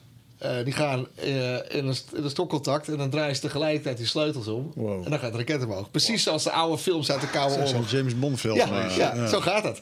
En hoor je, moet je maar eens luisteren. Kloets naar start. Dat is een sleutel voor de start, weet je. Dat, dat hoor je kloets en dan gaan ze die sleutel eh, omdraaien en dan gaat die raket omhoog. En, en dan? Eh, in het begin, ehm, het is, als je in de Soyuz zit, de echte, dan is het net alsof je in een simulator zit. Hetzelfde. De knoppen zitten op dezelfde plek. Je kan ook niet naar buiten kijken, want er zit een, fairing omheen. Hè, dus om de aerodynamische krachten tegen te houden. Dus in feite is het hetzelfde als op de grond. Je hebt alle deelaspecten gedaan. Je bent in je stoel gedrukt geweest in centrifuges. Je hebt al lang met je ruimtepak getest. Ook in die trainingen met alles dicht. En, eh, dus dus je, eigenlijk komt het neer op een echte... eh, Dat, dat heb je geoefend. Dus je wordt, je, je wordt in je stoel gedrukt. Er is lawaai en trillingen. Maar je zit helemaal boven die raket. Je hebt een koptelefoon op. Je hebt er helm op. Die is dicht natuurlijk. Handschoenen aan. Voor het geval er een lek komt. Hè, dus alles is dicht. Eh, en dan word je steeds... eh, ja, je, gaat, je hoort wat je, wat je doet. Je, je ziet ook de brandstofverbruik. Je ziet wel wat dingen. Eh, ik was vooral geconcentreerd op zeg maar, de, de, de druk in de capsule. Eh, mijn taak, eh, de, de, de, de CO2, ja, de, zeg maar, de omgeving. Hè, de, daar moest ik op letten. Dus de kranen voor de zuurstof enzovoort. Dus je bent geconcentreerd, dan druk je af en toe in. Nou, is dat nog goed, is dat nog goed? Ehm, nou, die lancering zelf, ja, je ondergaat dat. Ja. Een soort achtbaangevoel. Ik Ja. vergelijk het ook altijd met een achtbaan. Hetzelfde idee wat je hebt met een achtbaan. Je wil het graag, anders sta je niet uren in de rij. Je weet dat het redelijk veilig is, anders staat het ding niet in een pretpark. Aha. Maar je weet niet precies wat je gaat voelen. Ja. Dan zit je in het karretje en je klemmen gaan voor, je kan er niet meer uit. En dan gaat het karretje omhoog en die prettige spanning in je buik, dat heb je ook bij een lancering. Ja. Je wil het graag, redelijk veilig, maar je weet niet precies wat er komt. Maar is er dan niks in jouw eh, eh, psyche of in jouw eh, zijn als mensen? Als ik in zo'n achtbaan zit en ik ga omhoog, dan is er altijd een stemmetje dat ik aan het gerustspelen ben. Dat denkt van, ja, dit ding, hè, hoe vaak wordt dit nou in en uit elkaar gehaald? En hoe is het onderhoud hierop? En jij zit in een apparaat dat bestaat uit onderdelen, zeg maar, van de goedkoopste aanbieder.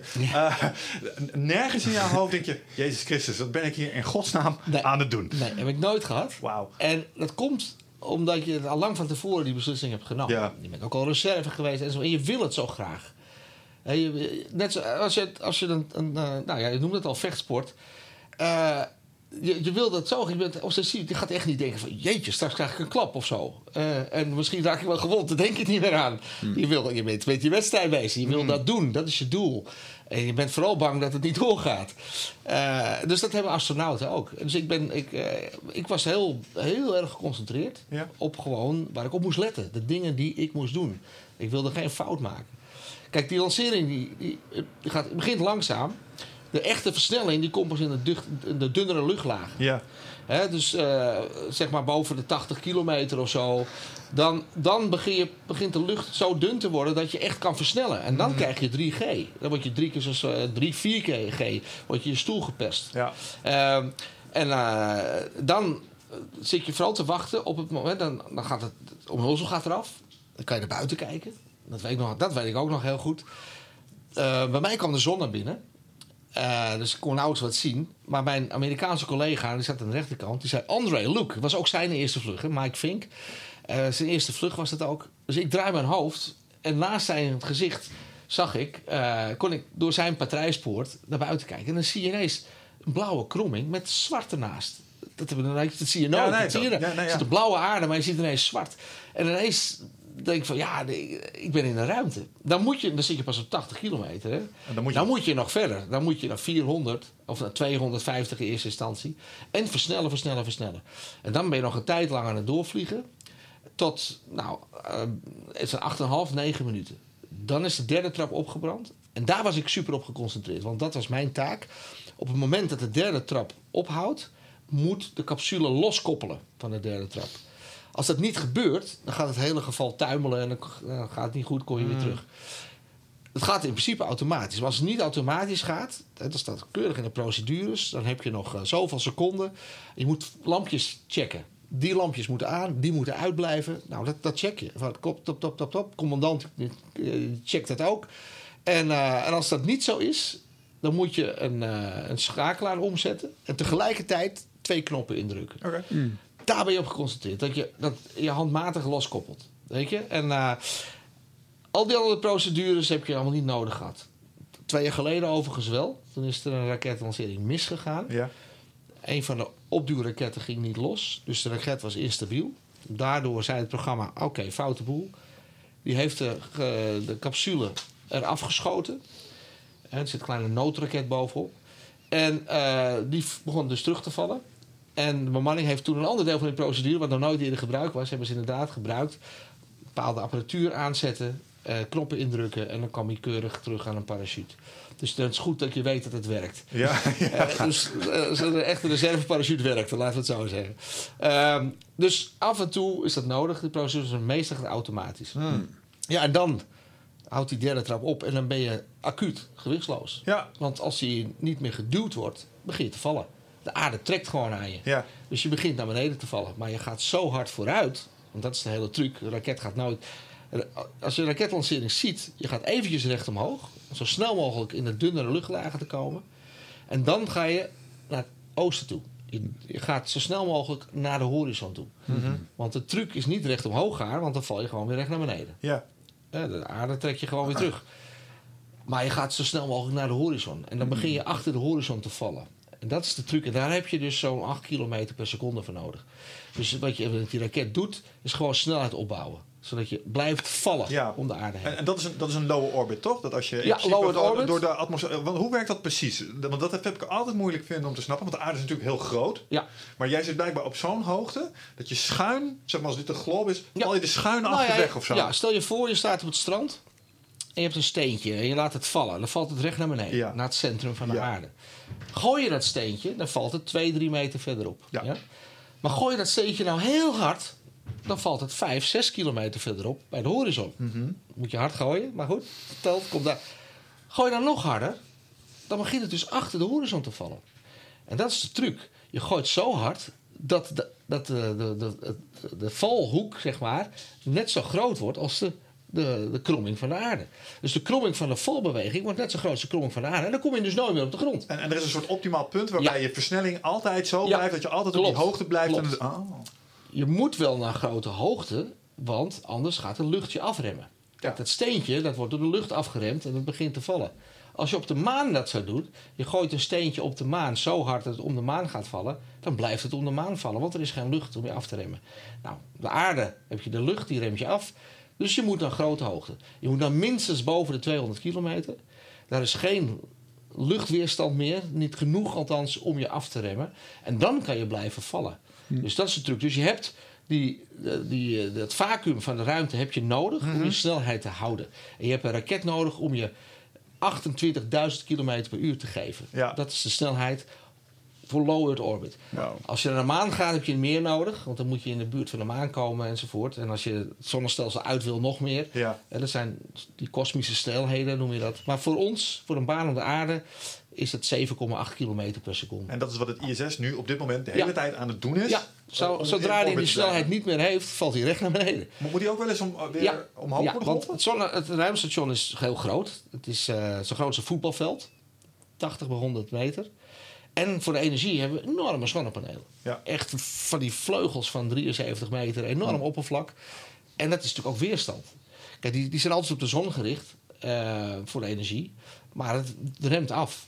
In de, in de nacht zetten we ze plat, zodat ze zeg maar, door de lucht heen snijden, dat je minder weerstand hebt. Maar per dag zakt het ruimstation 100 meter of zo. Oh. Dus af en toe eh, krijg je met vrachtschepen een setje. Krijg je een setje. Dan komen er vrachtschepen en die hebben eh, motoren en brandstof. En dan duw je ze weer naar 400 Dus je kilometer. zit niet in 100% vacuüm op het ISS nee, eigenlijk. nee, eigenlijk nergens. Nee. Nee, ook niet als je nog hoger gaat. Ja, dan moet je heel ver gaan. naar 100, het, ruimte, het, het, het heelal zit vol met deeltjes. Ook waterstof. atomen Ja, oké. Het is eigenlijk nooit vacuüm, vacuüm. Er, is altijd wel, eh, er zijn altijd wel ma- materiedeeltjes.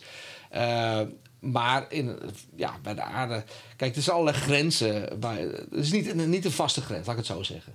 Voor ons mensen heb je zuurstof nodig als je een beetje de berg al ingaat enzovoort. Eh, voor, eh, zeg maar, voor eh, de, de, de druk in je lichaam is het 20 kilometer. Boven de 20 kilometer is er zo weinig druk dat je, dat je stikstofbelletjes in je bloed krijgt. Ja. Boven de 80 kan je niet meer vliegen.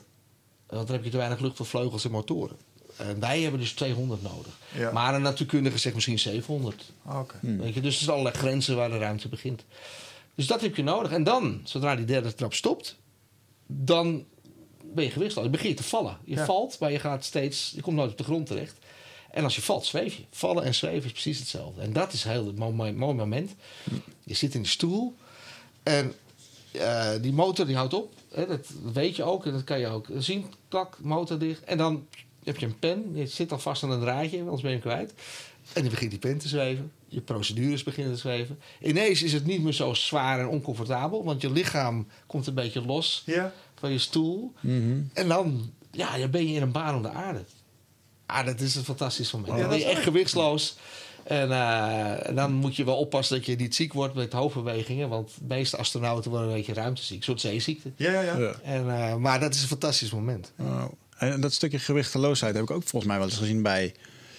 eh, Ik weet niet of het eh, bepaalde straaljagers, waar de piloot in één keer een, een balletje omhoog gooit. Ja, waar dat blijft. ja. Maar heeft het dan mee te maken omdat het gewoon een, een Hetzelfde. balletje is? Of nee, is het dan- nee, dat is ook dat echte gewichtsloosheid. Ja, wat je, dat heb je, maak je een paraboolvlucht, hè, de wiskundige de, de, de parabool. Wat je gaat doen, je, je- eigenlijk doe je hetzelfde als een ruimtevlucht.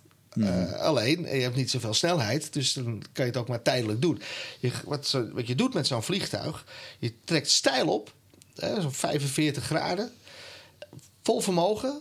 En dan trek je de motor dicht. Nog een beetje weerstand om de lucht zoveel mogelijk tegen te gaan. Maar dan begin je dus, net alsof je met een auto over een bruggetje eh, rijdt. Ja. Eh, ga je, zweeft nog een beetje mee omhoog met die auto. Ja.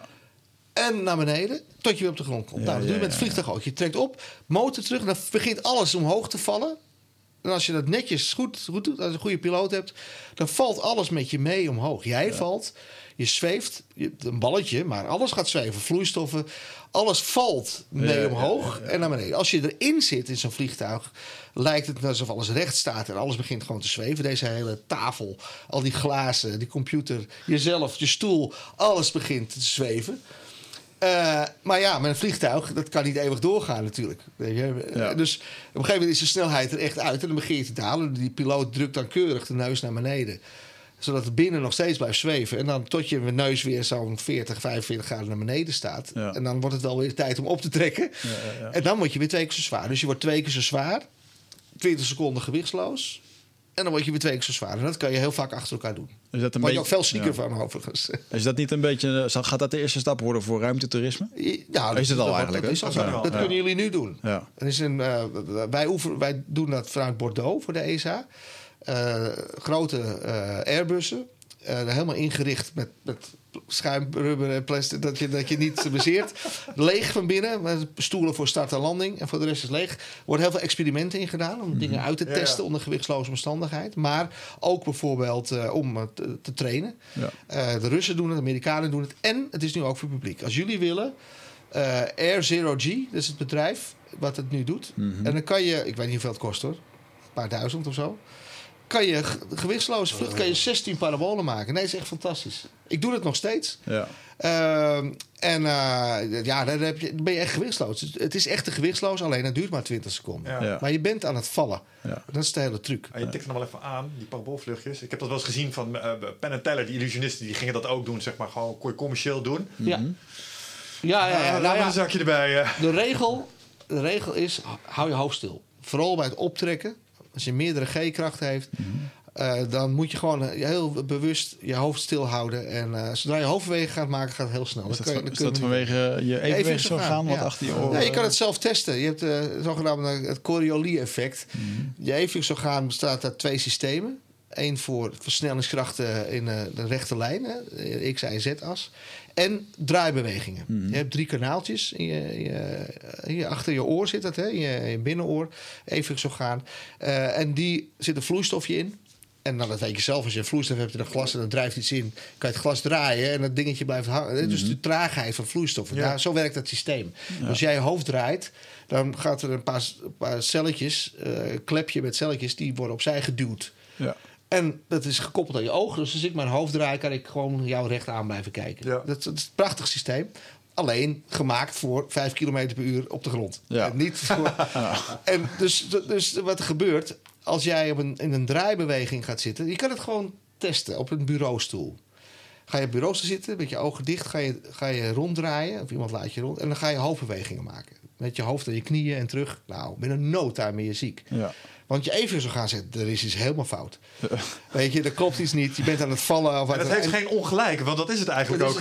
het Ja. het. En, en, en de reactie van je lichaam is, hoe, hoe, hoe leer je iets door ziek te worden? Dieren die een giftige plant eten, die gaan braken. Ja. Moet eruit. Nou, hetzelfde zit, vlak bij elkaar, die systemen je hersenen. Dus als waarschuwing van dit moet je niet meer doen, word je ziek. Het heeft geen functie meer, dat ziek worden. Het is zelfs gevaarlijker, maar dat is het oude systeem. Want het, gewoon het evenwichtsorgaan is niet gebouwd voor de dingen die we nu doen. En Ja. Een auto of een vliegtuig of een boot, daar zijn we niet voor gemaakt. Nee. Eh, Dus dat is een straf die we krijgen. Dat we, nu- Ja. we zijn slimmer dan ons lichaam Moeder geworden. natuur die vertelt, je hebt hier niks te zoeken. vriend. Ja, precies. Ja. Over, over dat eh, ja, niks te, ergens niet iets te zoeken hebben, vind ik wel een interessante vraag. Eh, je hebt heel veel protocollen gehad over eh, als er dingen kunnen gebeuren. Nou vroeg ik me af, stoute jongensdroom. Is er nou ook een soort protocol eh, als je in één keer IT tegenkomt? Een soort van, eh, eh, is daar een protocol voor? Nee. Wat er, eh, Nee, er is geen protocol. Daar hebben we nooit, eh, eh, ja, nooit les over gehad. Er zijn ook helemaal geen aanwijzingen dat er, dat er ooit contacten zijn geweest enzovoort. Dus dat leer je niet. Eh, maar ik heb wel eens raars gezien. Oeh. En precies, dan gaan mensen... Oh, oh, ik heb een ufo gezien. Ja. Maar ufo betekent Ah. Unidentified flying object. Dus wat ik, ik, ik keek naar buiten, een prachtige ramen, het ruimtestation. En eh, de uitkijkkoepel, helemaal raam om je heen, fantastisch. Een soort vissenkom met een zweefje boven de aarde. En ik kijk en ik, op onze hoogte zo ongeveer zie ik een knipperend lichtje. En ik knipperend lichtje? Ik bedoel, vliegtuigen die komen hier helemaal niet. Toch? En toen dacht ik wel meteen, stel nou dat dit een buitenaards ruimteschip is. Mhm. Waarom heeft hij dan een knipperend lichtje? Wie moet hij waarschuwen? Dus, dus ik, ik, denk, maar ik, ik, kon het niet verklaren. Ik heb het ook tegen een collega gezegd. Ja. Ik zeg, kijk, een knipperend lichtje daar. En uiteindelijk, wat was het? Eh, het was een satelliet. Sa- Satellieten die draaien. Ja. Eh, een gyroscoopwerking. Als iets draait, heb je een stabiele as. Mhm. En die weerkaatst de zon. En dus af en toe zie je het oplichten. En dat was dus, dus het was tien minuten lang, of misschien vijf minuten, was het een UFO. En daarna was het satelliet. Jammer. Maar je ziet wel steeds meer eh, filmpjes opduiken op YouTube... waar voormalig eh, astronauten of eh straaljagerpiloten met filmpjes... later als er een keertje wordt gereleased...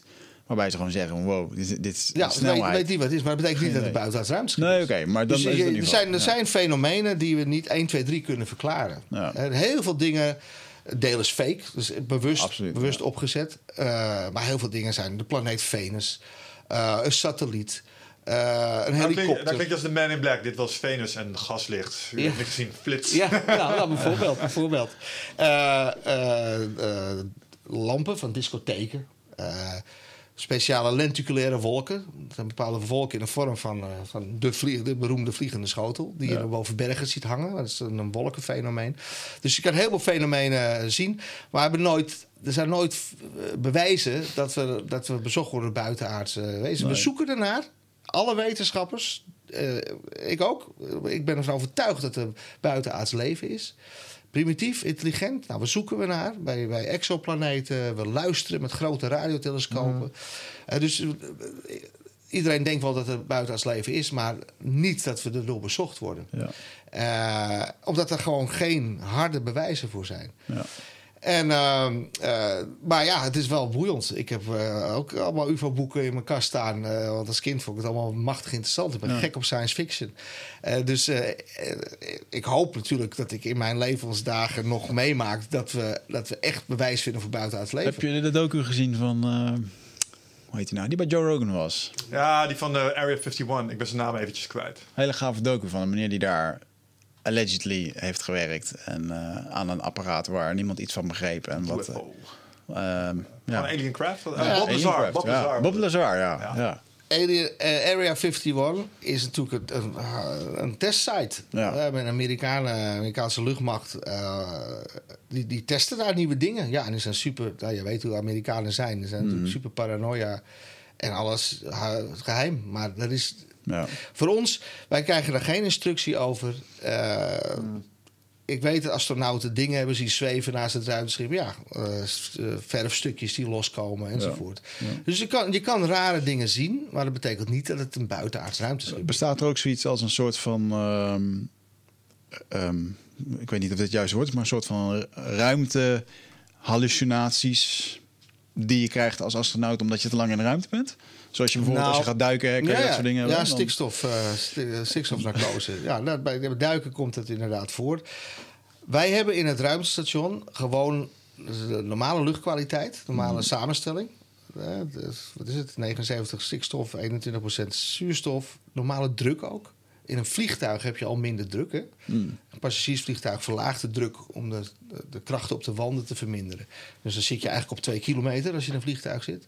Vandaar dat je ook sneller aangeschoten raakt van een borreltje. Ehm, maar in het ruimtestation hebben we gewoon een luchtdruk. Dus de, de klanken zijn ook hetzelfde. Er zit geen helium in of zo. Of, eh, Chip- geen, ja, iedereen praat Geen als een. Duck Dat zou heel grappig Geen zijn. Duck stemmetjes. Gewoon een luchtdruk. Eh, en ehm, de enige, ja, er gebeurt wel van alles in je lichaam, dat wel. Hmm. Maar geen, geen rare psychische dingen. Ja, natuurlijk, mensen kunnen depressief raken omdat ze ja, heimwee hebben of geen contact kunnen krijgen met een collega. Dat, dat soort dingen die kunnen allemaal gebeuren. Ruzies kunnen. eh, maar niet dat mensen gaan hallucineren. Dat, daar zijn, eh, ja, er zijn niet echt redenen voor. Nee. Ze, ze zorgen dat je genoeg slaapt enzovoort. In het begin ben je ziek. Ja, nou ja. Ja. goed. Maar na een tijdje voel je als een vis in het water. Ja. En dan word je weer ziek als je terug op aarde bent. Fysiek gebeurt er wel van alles. Je krijgt vloeistofverschuiving, veel vocht in je hoofd, waardoor je nagevoel in je hoofd krijgt. Rugpijn omdat je langer wordt. Je, je krijgt botverlies omdat je je lichaam niet meer belast. Spierverlies. Ja. Eh, je krijgt straling. Dat, als je iets gekke dingen ziet, dat is wel zo. Als ik af en toe mijn ogen dicht deed, zag ik ineens een streep of een flits. Nou, dan is mijn netvlies geraakt door een radioactief deeltje. Ja. Wij worden hier beschermd door de damkring. Mhm. Eh, Die, eh, die houdt een hoop van die straling tegen. En het magneetveld. Ja. Maar in een, ook in low Earth orbit zit je boven, boven de damkring. Dus wij krijgen iets van 50 tot 100 keer meer straling. En die deeltjes beschadigen de camera's. Af en toe elektronische uitval. We hebben een kortsluiting gehad op een gegeven moment door zo'n deeltje. Ja. Eh, maar je lichaam dus ook. En soms zie je dat. Als het je netvlies prikkelt, dan zie je dat als streep. En dat gebeurt over in je lichaam. Dus dat, in, dat zie je dan wel. Ja. je ziet, eh, maar het is niet zo dat mensen eh, gaan hallucineren. Is, Nee. is dat ook niet een van de redenen waarom bijvoorbeeld eh, naar planeten als Mars eh, toch nog wel een uitdaging Ja. zijn voor ons om die, om die space radiation goed dat te is de kunnen grootste overleven? uitdaging. Ja. Ja, het is natuurlijk technisch een uitdaging, maar dat, we kunnen het al. Er rijden al robots op Mars, dus we kunnen naar Mars. En weer terug ook. Enkele reizen is, is onzin. Eh, maar het grote probleem is inderdaad, je bent buiten het aardmagnetisch veld. Dus je bent niet meer beschermd eh, tegen straling van de zon Ja. of kosmische straling. En je bent ja, zo zeven maanden onderweg. Ja. Eh, en op Mars zelf is ook geen magneetveld. Eh, de aarde heeft een magneetveld omdat de kern op een andere manier draait dan de korst. Dus het is nog steeds een vloeibaar deel. Ja. Mars heeft dat niet meer. Die heeft geen magneetveld. Dat betekent dat die straling zijn gang kan gaan. Daarom heeft Mars waarschijnlijk ook geen atmosfeer meer, of een hele dunne. Omdat de zonnewind, hè, die deeltjes van de zon, die blaast die hele atmosfeer eraf. Ja. Wij hebben mazzel met het magneetveld. Ja. Eh, dus dan ben je op oppervlak, heb je nog steeds straling. En dan moet je nog een keer terug ook. Ja. Dus dat is in mijn ogen is de straling het grootste probleem voor een mens te reizen naar Mars. Ja. Eh, andere zaken natuurlijk ook. Hè, de gewone dingen als bottle die- Maar ja, als je veel sport, dan kan je dat allemaal ondervangen. Eh, en het psychisch kan het belastend zijn. Eh, maar ja, er zijn nu ook mensen die meer dan een jaar boven zijn geweest. Dus dat kan wel. Ik denk dat straling het grootste probleem is. Ja. Als, je het dan, als je het dan hebt over science fiction. ehm, trouwens, klein zijsprongetje. Science fiction fan, zei je? Ja, helemaal ja. Star Trek of Star Wars? Eh, Star Trek. Star Trek. ook? Ja, omdat dat... Oké, nog, nog volgende. technische. Picard of Kirk? Kirk. Oké, oh, Oh, oké. Hier gaan we ja. nog even over in discussie. Ja, ik, ik moet het vragen, sorry. Maar als je het dan hebt over science fiction. ehm, we gaan waarschijnlijk in onze levensspannen nog meemaken dat de mensen op Mars komen. Ik hoop het. Dat, dat is voor mij science fiction. Mm, dat is, nou, het is, de fictie is er niet zoveel meer. Nee, maar het, het, is echt zo'n beeld wat ja, je vroeger ja, had dat van de is waar. De vroegere science fiction, ja. En, en als je die lijn dan doortrekt, ja. en je kijkt naar bijvoorbeeld waar Star Trek het over heeft. Denk jij dat wij mensen het in ons hebben om een, een spacefaring species te worden? Ja. Eh, waarbij we dingen als bijvoorbeeld de lichtsnelheid toch weten te overwinnen. Dus naar andere sterren. Zou dat Ja. een doel moeten zijn voor ons als mens? ja. En het is niet een bewust doel, maar het is een evolutionair doel. We kunnen niet anders. Nee, het, het gaat vanzelf. Als je een soort bent die eh, maar in één biotoop leeft, noem maar de panda of de berggorilla, ben je heel kwetsbaar. Panda's en berggorilla's zijn er alleen nog maar omdat wij ze aardig vinden. Dit is, Anders eh, waren ze al lang uitgestorven. Ja, dus maar de- andere soorten, zoals ratten, kakkerlakken, mensen, sorry voor de vergelijking. in dezelfde categorie. Ja, maar die kunnen overal aarden. Mhm. Dus dan ben je veel minder kwetsbaar. Maar de Hmm. aarde is maar één biotoop. Ja. Dus we zijn kwetsbaar. Er kan een inslag komen, zoals van 65 miljoen jaar geleden, Ja. eh, waarbij eh, enorm veel diersoorten uitstierven. Gelukkig, anders waren wij er niet geweest Ja. waarschijnlijk. Maar goed, dat wil je niet nog een keer hebben. Maar het is maar één biotoopje. Dus wat dat betreft, vanuit biologisch, evolutionair standpunt, is het gewoon eh, beter om op meerdere plekken te zijn. Ik noem dat altijd gekscherend de Holland Casino filosofie. Spreid uw windgansen. Ja, nou, dat is ook zo. Ja. De, de soorten die intact blijven, die hebben op meerdere, leven op meerdere biotopen. Hmm. Als er ergens iets misgaat, gaan ze ergens anders door. En dat doe je niet bewust, het is gewoon een evolutionair proces. En dat is voor de, voor de mensheid idem dito. Dus eh, als wij eh, nou, in de verre toekomst een kolonie op Mars hebben of weet ik veel wat, die zichzelf kan bedruipen. Mhm.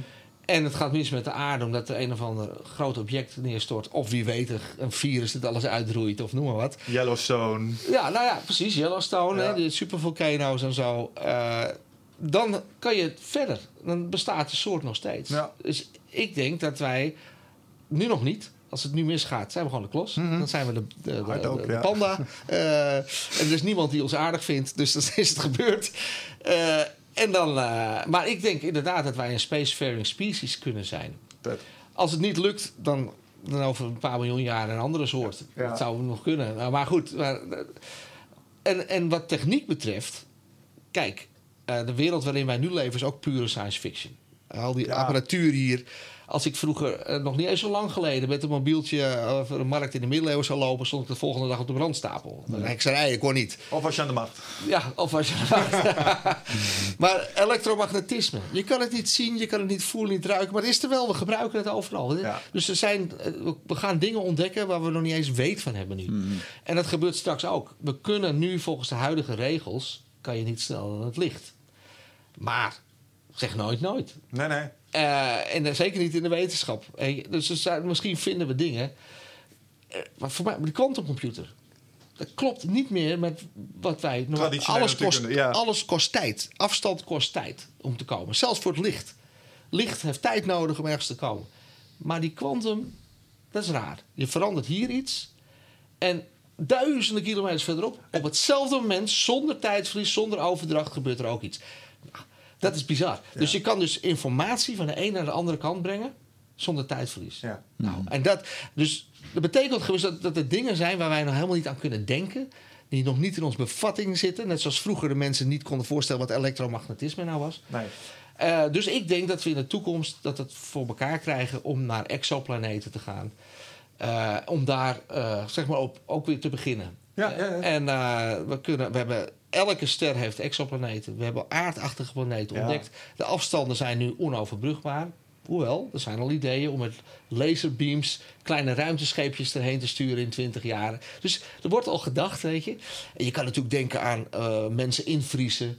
Eh, je kan denken aan generatieruimteschepen. Ja, ja, ja, ja, Je kan denken aan eh, om alleen DNA te sturen. met ons brein in, als computerprogramma. Nou, ik bedoel, je brein, dat is ook gewoon alleen maar verbindingen tussen neuronen. Als je dat in kaart kan brengen, kan je iemand opslaan. Nu niet. Dat is Nee, wel heel dus- transhumanistisch. ja, maar, nou ja, maar wij, op een gegeven moment, de mens, de biologische mens, is heel primitief. Mhm. Dat kunnen we verbeteren. Dus op een gegeven moment worden we zo goed dat je, dat je mensen kan eh enhancen. Ja. Je kan zorgen dat de hersenen beter worden, dat de ogen beter worden, enzovoort. enzovoort. En op een gegeven moment kunnen machines beter zijn dan het oude biologische systeem. Ja. Dat is heel ver weg hoor. Ja, maar bedoel, als het gaat om maar- levensspannen, snap ik hem heel goed. dus, want er zit geen einde aan techniek. Eh, dus eh, ik heb het niet over 100 jaar. Ik heb het niet eens over 1000 jaar. 10.000, 100.000, dat is niks. Uh-huh. En, en over een miljoen jaar. Weet je, dat is onbevattelijk wat we dan, als we er allemaal zijn, hè? Ja. Eh, nou, wij dan niet, maar goed. Eh, maar als de mensheid er nog is, dan, dan heb je veel meer beheersing over materie, over energie. Ja. En eh, eh, ja, dan kan je dus inderdaad koloniën op een andere plek eh, gaan plaatsen enzovoort. Dus jij denkt dat we als mensheid prima in staat zijn om die Kardashev skill, zeg maar, van, Ja. van civilisatie 0 naar Ja. civilisatie 1, die ze zon gebruikt, Ja. naar steeds, dat, dat is gewoon Nou, ja, dat, ja, waar behalve eh, een van de redenen waarom mensen niet ver, of mensen, andere wezens niet verder zouden komen, is dat we onszelf vernietigen. Dat is een, En dat is natuurlijk een groot probleem. Ja. Wij zijn natuurlijk niet slim bezig. Eh, de, de huidige polarisatie, extreem links, extreem rechts, gaat helemaal de verkeerde kant weer op. Dat hebben we natuurlijk eerder gezien. En dat kan ons de kop kosten. We kunnen onszelf vernietigen. ja. Eh, dat is natuurlijk een van de eerste dingen die, waar je overheen moet stappen. Dat we de primitieve eh, agressies de baas worden. Eh, waardoor je niet eh, een soort zelfvernietigingssequence ingaat. Juist, want daar wilde ik het nog even met je over hebben. Omdat een van de dingen waarom ik altijd heb gezegd... ik wil echt dolgraag André Kuipers een keer spreken... is omdat jij, volgens mij, de enige Nederlander bent... die, als het goed is, het overview effect, het oversight effect heeft ervaren. En, en dat is iets wat mij altijd heeft gefascineerd. Omdat ik helemaal met je eens ben dat als wij in onze Star Trek eh, techno-optimisme utopie willen komen... hebben we nog een aantal sociale, economische en duurzame bruggen... eh, moeten we nog over. Alleen dat is voor ons mensen als primitieve apen, zoals je zelf terecht Ja. zegt, nog uitgerust met allerlei oude systemen van vroeger. Best wel moeilijk. Hè? Ja. Eh, We zijn heel tribal, Ja. eh, we zijn heel egoïstisch, we, zijn, we vinden Nou, lange termijn vinden we echt heel moeilijk. En, en iedereen die de ruimte ingaat, lijkt daar psychologisch een soort stap in te maken, omdat ze op een gegeven moment zien ze de big picture. Ja. Hoe was dat voor jou? Nou, hetzelfde. Eh, ik weet nog heel goed de eerste keer dat ik eh, op mijn eerste vlucht. Ik ben heel druk bezig, hè. Soms zit je helemaal niet door dat je in de ruimte bent. Je wil goed doen, geen fouten maken. Maar af en toe heb je een rustig moment. Ga je naar een donkere capsule. Hè, geen reflectie in de ramen. En dan keek je naar buiten. En toen besefte ik ineens waar ik was. Ik denk, ik hoor daar niet bij. Ik zie daar die blauwe bol. Je bent er zo omheen. Hè? Eh, heel dun damkringetje. En ik dacht, ah, dit is alles. Ja. Dit is alles. Eh, weet je, het heelal is heel leeg en dreigend. Hè? Koud. Het enige wat we hebben, ik denk het is al waar. En het voelt dan, als je recht naar de aarde kijkt... dan is het heel kleurrijk, majestueus. Prachtige rode woestijnen, turquoise wateren. Maar zodra je er langs kijkt en dan zie je dat zwarte heelal... En ineens is het net alsof de aarde in elkaar schrompelt. Zo voelde het echt, alsof het een, een soort levende cel was. Met een heel dun membraantje eromheen. Echt, dat je echt dacht, van, nou, dat kan je zo stuk blazen. hè. Als ik hard blaas, blaas ik die dampkring eraf. Heel fragiel. En, eh, het is niet een sinaasappelschil, maar een uienschil. Heel dun, een laagje zit er aan omheen. En, en toen dacht ik, dat, dat is alles. Eh, Ik ben er anderhalf uur omheen. Alle, alle geschiedenis, al het leven, de- behalve de ruimtevaart dan. Ja, ja. Alles zit op dat bolletje. Op het vroeger geleefd. Alles zit daar. En, en er is niks anders. We kunnen niet ontsnappen. En het is zo kwetsbaar. En weet je, door bedreiging van buiten, dan kan iets opstorten. Maar ook de beperktheid. Ik, ik weet nog heel goed, ik vloog over India. En ik denk, wauw, er woont een miljard mensen daar beneden. En die denken allemaal dat de aarde oneindig is. Maar over anderhalf uur kan ik zo weer zien. Ja. Ja, ja, En ja. ja. kijk, als je, als je beneden staat, dan denk je, ach, zo'n oerwoud, weet je. Maakt het uit, boompje meer of minder. Oneindig. Eh, water oneindig. Maar vanuit de ruimte zie je hoe beperkt het is. De vruchtbare grond is maar heel beperkt. Heel veel woestijn, zout water, hooggebergte. En dan kom je bij de Amazone. En dan, nou, dan zie je de kust van de, eh, de Stille Oceaan. En dan zie je de Amazone met allemaal ontbossing erin. Kan je heel goed zien. En dan zie je de kust van de Atlantische Oceaan alweer. Dan denk je, het is helemaal niet oneindig groot. Eh, je bent zelfs de Stille Oceaan, die ook vanuit de ruimte flinke plas water is. Ja, Ja, eh, na twintig minuten ben je er weer voorbij. Ja. En dan, weet je, dus dan, denk je van, oh, dit is alles. Het, het beroemde uh, Snow Planet B, dat is, dat is er niet. We kunnen natuurlijk kunnen mensen naar Mars sturen. En die kunnen daar, als ze genoeg apparatuur hebben en, en eh, met genoeg mensen zijn, kan je daar een, een, een kleine basis opbouwen. Maar voor de rest is het een koude, lege planeet. Er is geen vloeibaar water, er is geen zuurstof, er is zo'n heel dun dampkringetje van kooldioxide, er is geen magnetisch veld. Het is gewoon een heel vijandige plek. En de andere planeten zijn nog veel erger. Ja. Ze zijn veel te heet, te gevaarlijk, giftig enzovoort. Dus de aarde is echt. En dat over, ineens heb je, krijg je een totaalplaatje. Dan denk je: oh, dit is het. Hier moeten we het mee doen. Als het verknallen, dat dacht ik echt zo. Hè? Ik denk: als het verknallen, we kunnen niet ontsnappen. Dus ik, voelde een ik voelde me claustrofobisch. Niet voor mezelf, heb ik nooit gehad in de ruimte. Maar ik voelde me claustrofobisch voor de planeet. We zijn opgesloten in een grote, lege, koude deken van het zwarte heelal. En het planeetje is het enige. En dan moet je echt, ik krijg echt zo van shit, daar moet je heel zuinig op zijn. Ja. En dat hebben verschillende collega's inderdaad ook. Eh, ik weet van een Russische collega, die, die zet zich dan in voor het WNF. Een Braziliaanse collega met het regenwoud bezig. Ik had een, een, een Brits-Amerikaanse collega, helaas overleden. Die zit in de, in de film eh, eh, After the Flood, of Before the Flood, eh, van DiCaprio. En die, zit, die, was daar ook, die is daar ook heel erg mee bezig. Eh, want je voelt het gewoon van shit, man. En het komt ook omdat wij natuurlijk heel eh, globaal werken, universeel bij. Kijk, als je bent. Het eerste waar je naar kijkt, hè, dat zeggen ze wel eens je eigen stad. Hè, Ik ben geboren, getogen in Amsterdam. Ja. Ik ben Amsterdammer. Hè. 010, Zwaar, ja. 020, maar de rest van. Nederland. Ja, je hebt ook nog iets in de achterhoek en zo. Hey. Nou, dan, dan ben je Nederland, dan, ga je, dan zie je Nederland. Maar tegenwoordig, Europeaan. Je voelt je Europeaan, want ik werk met Japanners en Canadezen en eh, Russen. Dus dan ben je Europeaan. Je, bent van de ESA. Maar vervolgens word je global citizen. Want je traint in Houston en je traint daar en dan zit je daar en je zit je daar. En vervolgens word je zelfs een, een, een universal citizen. Je bent ineens bewoner van buitenaards eh, wezen. En dan denk je, dit, ja, dit is ons planeet. We zitten daar met z'n allen op. En al die mensen, ik bedoel, al mijn collega's, iedereen heeft zijn kinderen, die, heeft, ze- die maakt zich daar druk om. En er moet gewoon brood op de plank komen. En iedereen heeft eigenlijk, is eigenlijk hetzelfde. En dat voel je heel sterk, gewoon door die opleiding. Weet je. Ja. En als je dan helemaal in de ruimte bent, denk je, ja, en dan hebben we ook nog alleen maar dit huis. Dit is het. Hier zitten we. Deze oase, daar zitten we met z'n allen op. Ik heb een collega, Ron Garren, die heeft ook eh, een organisatie opgericht, die heet ook Oasis.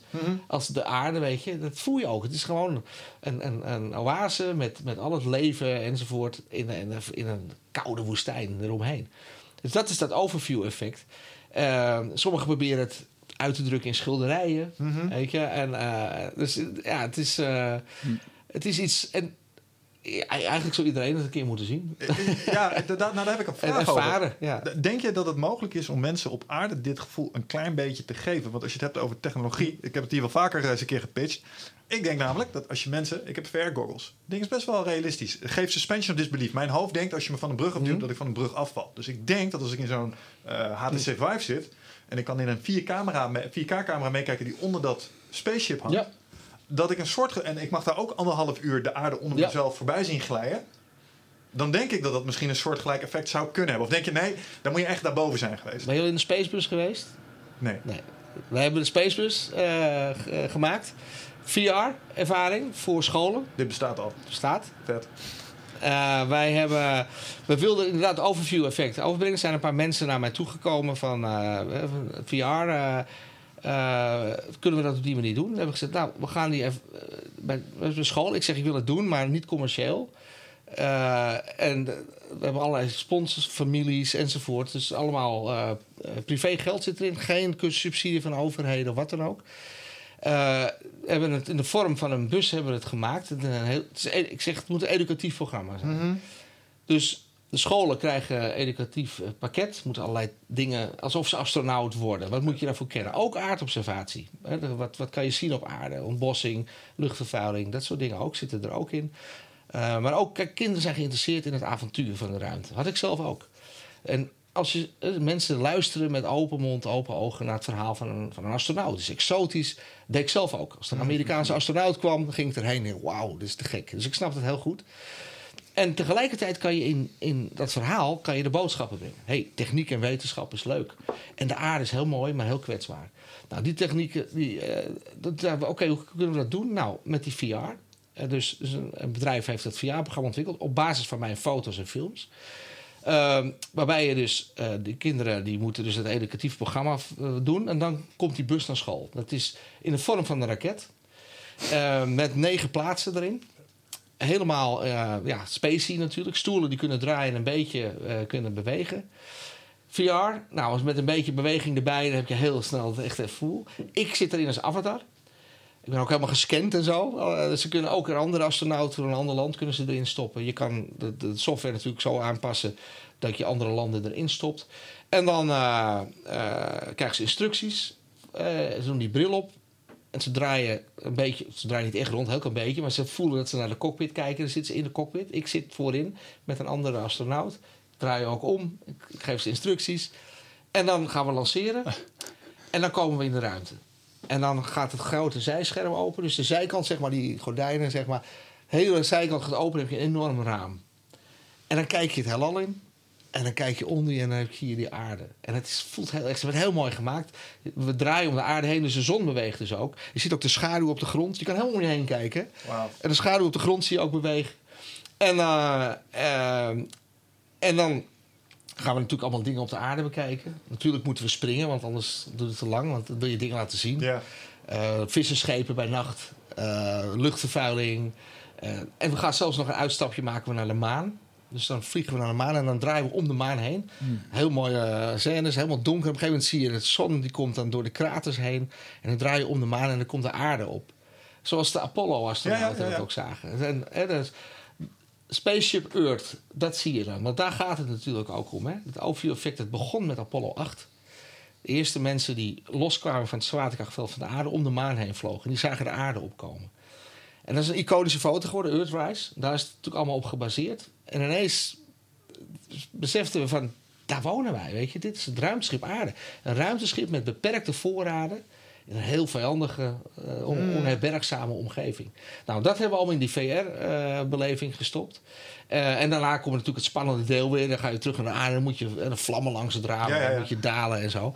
En, eh, en daarna hebben ze, eh, net als de echte astronauten, moeten ze een debrief doen. Wat hebben ze gezien? Wat hebben ze geleerd?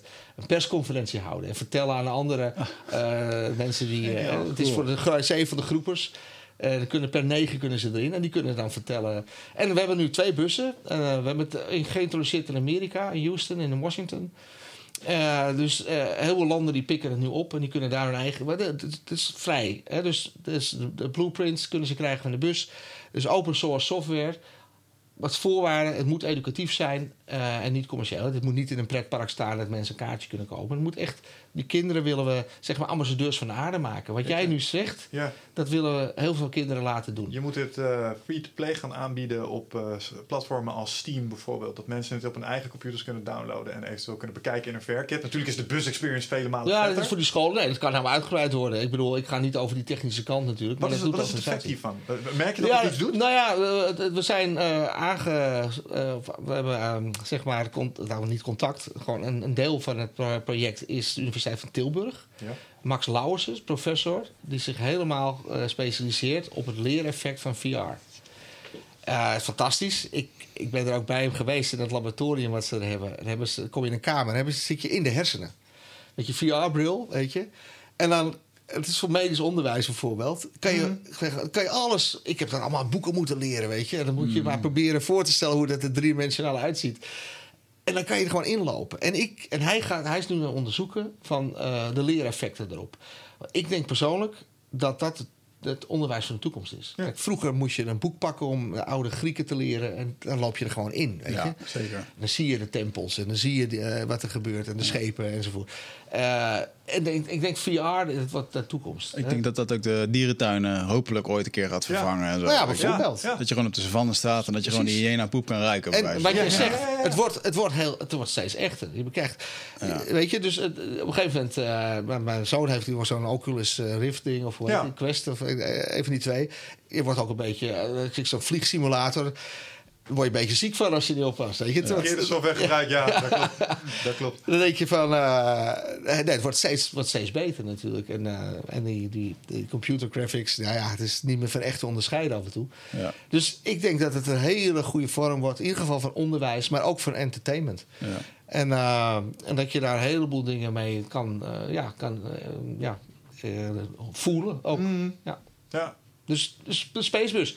Gena- De stoelen zijn groot genoeg voor volwassenen. Ik wou zeggen, kunnen we, want wij gaan zo af en toe... eh, Ja, hij staat nu in een loods, dat begrijp je, want we kunnen niet meer naar scholen toe. Dus we Ja, moeten wachten ja. tot het weer allemaal rustig wordt. En dan gaat hij de scholen langs. Het tweede is een aanbouw. En, eh en er liefst meer, want er zijn natuurlijk, wat zijn het, geloof ik, 8000 lagere scholen in Nederland. Wauw, ja. Eh, dus eh, we, er zijn al, we hebben al iets van 300 scholen die eh verzoek hebben ingediend. Ehm, dus dat is eh, heel, ja, een heel goed idee. Zo proberen we het overview-effect en iedereen, te, Ja. of iedereen, zoveel mogelijk dat mensen te laten zien dat we een hele mooie planeet hebben, maar kwetsbaar. Dat we er echt zuinig op moeten zijn. Want ja, dit- we, we knallen het gewoon. Ja. Als we niet oppassen. Is dat nu een beetje de nieuwe missie van je? Om eh, die bewustwording te brengen? Eh, ja, weet je wel. Ik, eh, ehm, ik- ja, het is breed. Eh, ook techniek en, en wetenschap. Eh, ik wil jongeren ik- vooral stimuleren ook om, om eh, nooit nee te zeggen tegen zichzelf. Weet je, van ik kan dat niet of zo. Dat je als je een doel hebt, ga in ieder geval. Probeer het in ieder geval. Eh, wa- wat je passie dan ook is, ga die passie achterna. Zeg nooit tegen jezelf dat je het niet kan. Als het niet lukt, oké, heb je in ieder geval geprobeerd, kan je weer verder. Zo ben ik ook erin gestapt. Eh, want de kans dat astronaut te worden is natuurlijk miniem. Ja. Weet je, eh, ik droeg een bril, weet je. Ik was geopereerd aan mijn schildklier. Eh, maar ik was zo gemotiveerd dat ik ging opzoeken. En er stond helemaal niet dat het niet mocht. Ja. Weet je, ik weet van mensen die, die wilden wel, maar die hebben het niet geprobeerd. Want die dachten, ah, het lukt toch niet. Ja, dan gaat het. En ik dacht van, Ja. ik ga het proberen. Het lukt waarschijnlijk niet. Want zo realistisch was ik wel. Ja. Het lukt waarschijnlijk niet. Maar als ik het niet probeer, krijg ik er spijt van. Dan zit ik mijn leven lang te denken, had ik maar. Dat wilde ik niet. Dus ik ben erin gestapt met het idee van, ik val ergens uit. Maar ik ga alles op alles zetten. Het mag niet aan mijzelf liggen. Als iemand anders een stok in mijn wielen steekt, prima. Maar ik ga het niet zelf doen. En tot mijn verbazing rol ik verder. En dat probeer ik die kinderen ook steeds te vertellen. Als je iets graag wilt, of dat nou sport is, of, of, eh, of een, een bepaald vak, of eh, een bepaald beroep. Probeer het in ieder geval. Zeg nooit dat het niet kan. Eh, en dan kan je weer verder als het niet lukt. En soms lukt het dus wel. Nou, dat is één ding. Ik probeer ook te laten zien van... hey, wetenschap en techniek is leuk. Als je iets wil bereiken, kan je heel ver komen met wetenschap en techniek. Het is iets, niet iets voor nerds. Het is avontuurlijk, het is spannend. De wereld draait om techniek. Eh, eh, de, de techbedrijven zijn natuurlijk een prachtig voorbeeld van.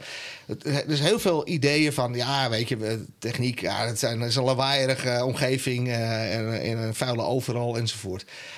Kijk naar, kijk naar de ruimtevaart natuurlijk. Maar kijk naar elkaar ASML of, of weet ik veel wat. Of, of dit, hè, audiovisueel. Dat- Dat is... Dat is, de, dat is allemaal de, de toekomst. Ik probeer de kinderen te laten zien... Hey, wetenschap en techniek kan je ontzettend veel in doen. Het is goed voor de maatschappij, want alles draait om techniek. Het is goed voor jezelf. Er is heel veel vacatures in. Eh, dus probeer dat. En, en dan komt dit aspect erbij van... eh, we hebben een hele mooie planeet... maar we moeten er wel zuinig op zijn. En ik probeer dan niet mijn vingertje op te houden... want dat werkt niet. Eh, dan zet, zet ik ook mijn hakken in het zand... als iemand mij gaat vertellen wat ik niet meer mag. Ik wil overtuigd worden. Eh, ik wil overtuigd worden door, door, door feiten, door wetenschappelijke bewijzen van oké, nou blijkbaar doen we het niet. Dat is niet goed, dat is niet gezond. Of eh, dat moeten we anders doen. Maar je moet mensen laat, dingen laten zien en dan moeten ze zelf de conclusie trekken. En dat doe ik ook in, eh, eh, in, in de presentaties. Het moet een avontuur blijven. Dan, dan zijn mensen ook helemaal open. Ja. Neutraal. Ik, eh, ik heb drie regels. Ik heb het nooit over eh, seks, religie en politiek. Dat zijn hele persoonlijke dingen. Moet iedereen voor zichzelf weten, zolang je er niemand kwaad mee doet. Maar zodra ik ga zeggen, ik hoor bij die partij of zo... dan luistert de meerderheid al niet meer naar je. Want je bent per definitie van de verkeerde partij. Dus ik wil zo neutraal mogelijk blijven. Je bent gewoon van team aarde. Ja, ambassadeur van de aarde. Ja, ambassadeur van de aarde. En, op die, en dan laten zien, hè. Ik, dingen die ik met het blote oog zie. Maar vooral wat je met satellieten meet. Mensen kunnen zich identificeren met wat ik zie. Dat zijn hun eigen ogen, zeg maar. Dan zie je van die lichtgroene strepen in de bossen. Dan zie je die heiligheid boven een Chinese stad, noem maar op. Maar met satellieten kan je het ook echt meten. Dan kan je meten wat erin zit. Stikstofdioxides eh, boven Peking of zo, Beijing. Maar ook bijvoorbeeld over de tijd. Dan kan je allerlei foto's van satellieten nemen van hetzelfde stukje Amazone. En dan zie je hoe snel die ontbossing gaat. Dus ik, de, de mensen moeten zelf tot de conclusie komen van... oh, wacht even.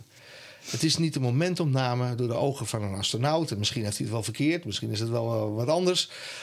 Maar met satellieten kan je het gewoon meten. Ja. Onafhankelijk, continu. eh, satellieten uit verschillende landen enzovoort. En dan, ja, er zijn natuurlijk altijd mensen die alles ontkennen. Dat hou ik toch. Eh, maar, maar het grote publiek...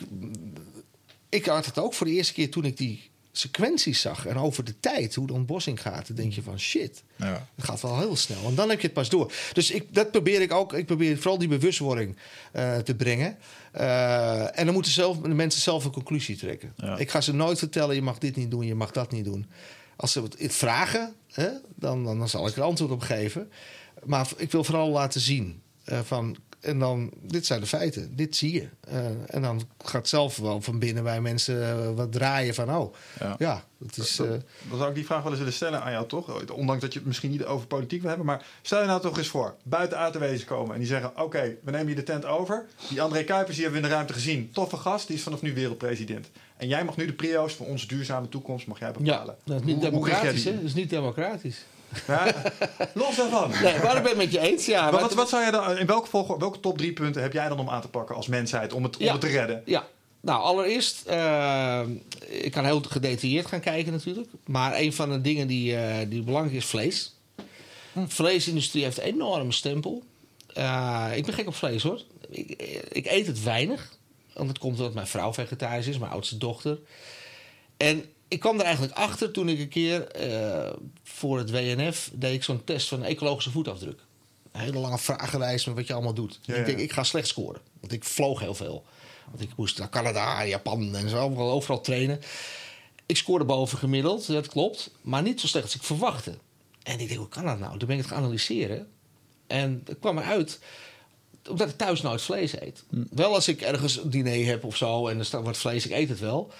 Maar gewoon het feit dat je minder vlees eet, heeft enorme impact.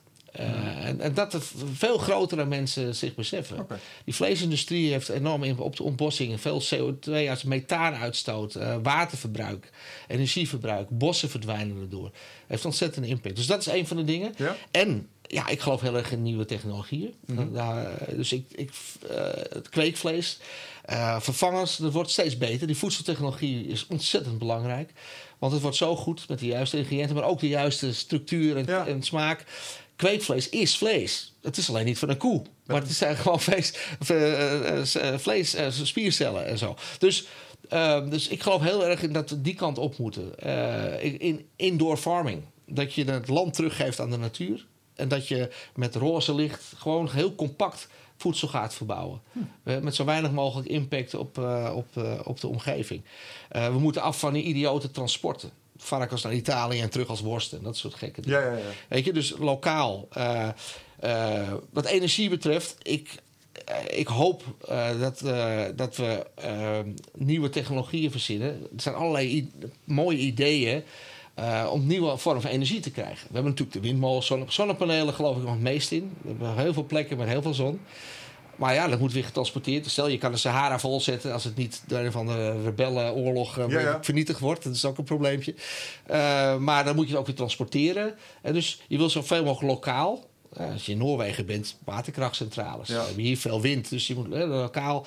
Maar ehm, eh, ik hoop erg uit op, op kernfusie. Koud kernfusie. Ja, Ja. nou, kernfusie is sowieso al veel schoner dan kernsplijting. Kernenergie op zich is fantastisch, hè? Het is echt fantastisch. Zoveel energie uit niks eigenlijk, Ja, heel weinig. ja. Alleen, als het misgaat, gaat het goed mis. Dat is een fout uit het verleden. Omdat we, ze zijn begonnen met uranium.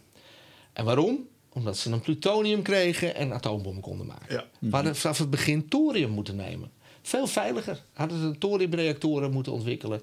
We hadden hadden heel veel problemen niet gehad. Maar goed, dat, dat zijn, wordt nog steeds aan gedacht. Maar het is heel duur om dat uiteindelijk te maken. Mhm. Maar kernfusie, daar zijn ze nu druk mee bezig in Zuid-Frankrijk. ITER, een groot internationaal programma. Om te kijken of we de zon kunnen nabootsen. Ja. Kernfusie.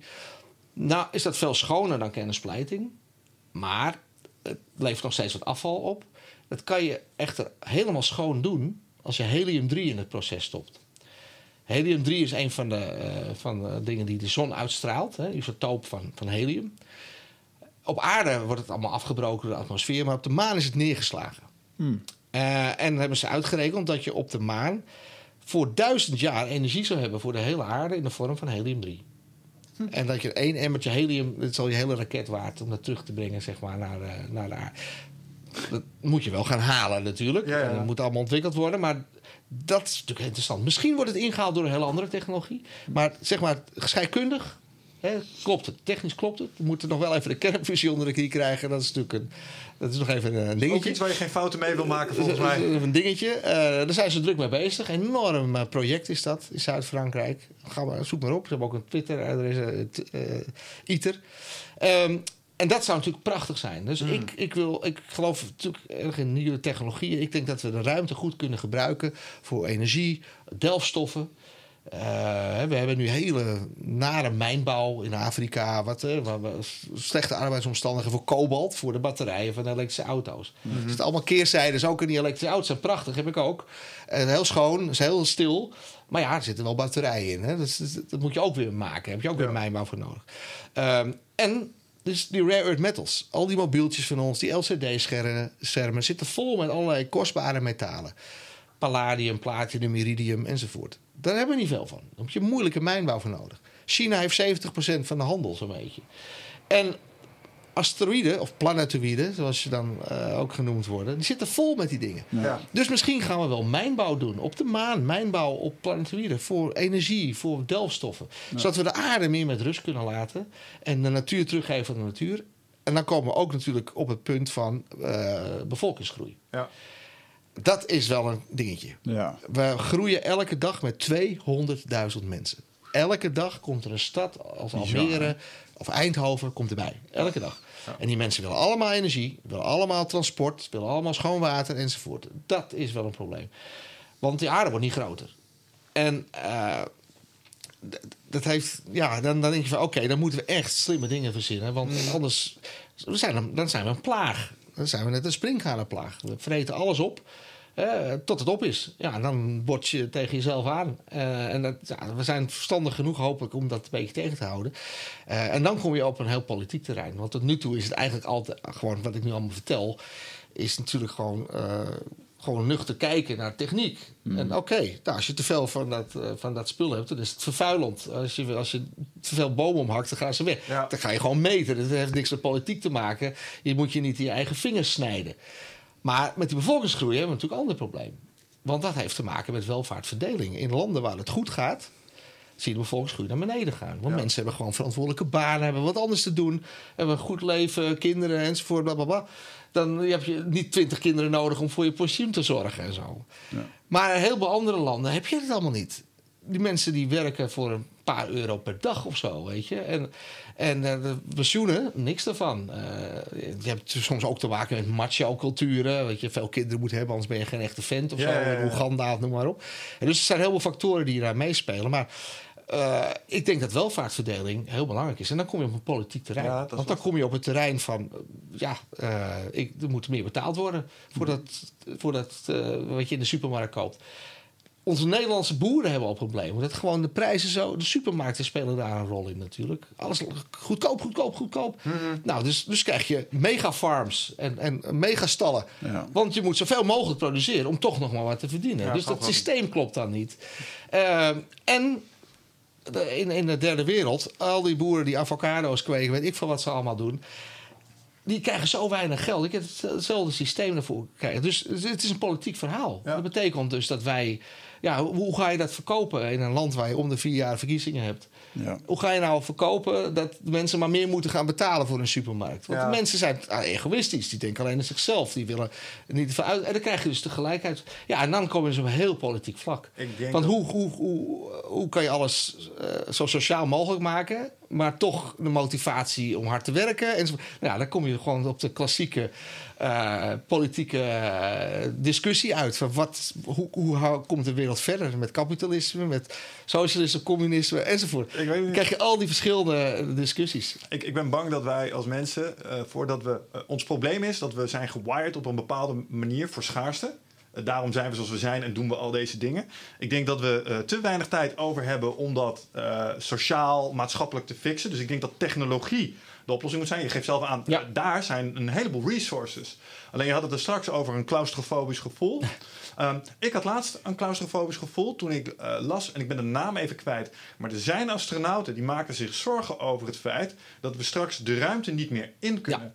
Omdat er een ongelofelijke vervuiling is wat betreft debris. Ja. eh, thrusters, Ja. raketten, kapotte satellieten. En als zo'n satelliet, want het is groot daarboven, maar als er genoeg zijn en één raakt het ISS met een slordige weet ik hoeveel kilometer per uur. Ja. Dat is eh, nogal een ontploffing. Die, Ja, nee, dat klopt. Dat is een van de gevaren. Eh, ik zit in het bestuur van de Association of Space Explorers, zeg maar de club van astronauten. En we hebben, we hebben twee eh, zeg maar werkgroepen, of drie ondertussen. Eén is voor eh, Near-Earth Objects. Hè, dus ik noemde die planetoïden net al. Ja, ja. Die, af en toe vallen die op de aarde. Ja, niet nou, fijn. dat, zijn, dat kan de hele wereld vernietigen. Dus daar, eh, hoe gaan we dat aanpakken? Hoe sporen we ze op? Hoe kunnen we ze afbuigen? Dat is één.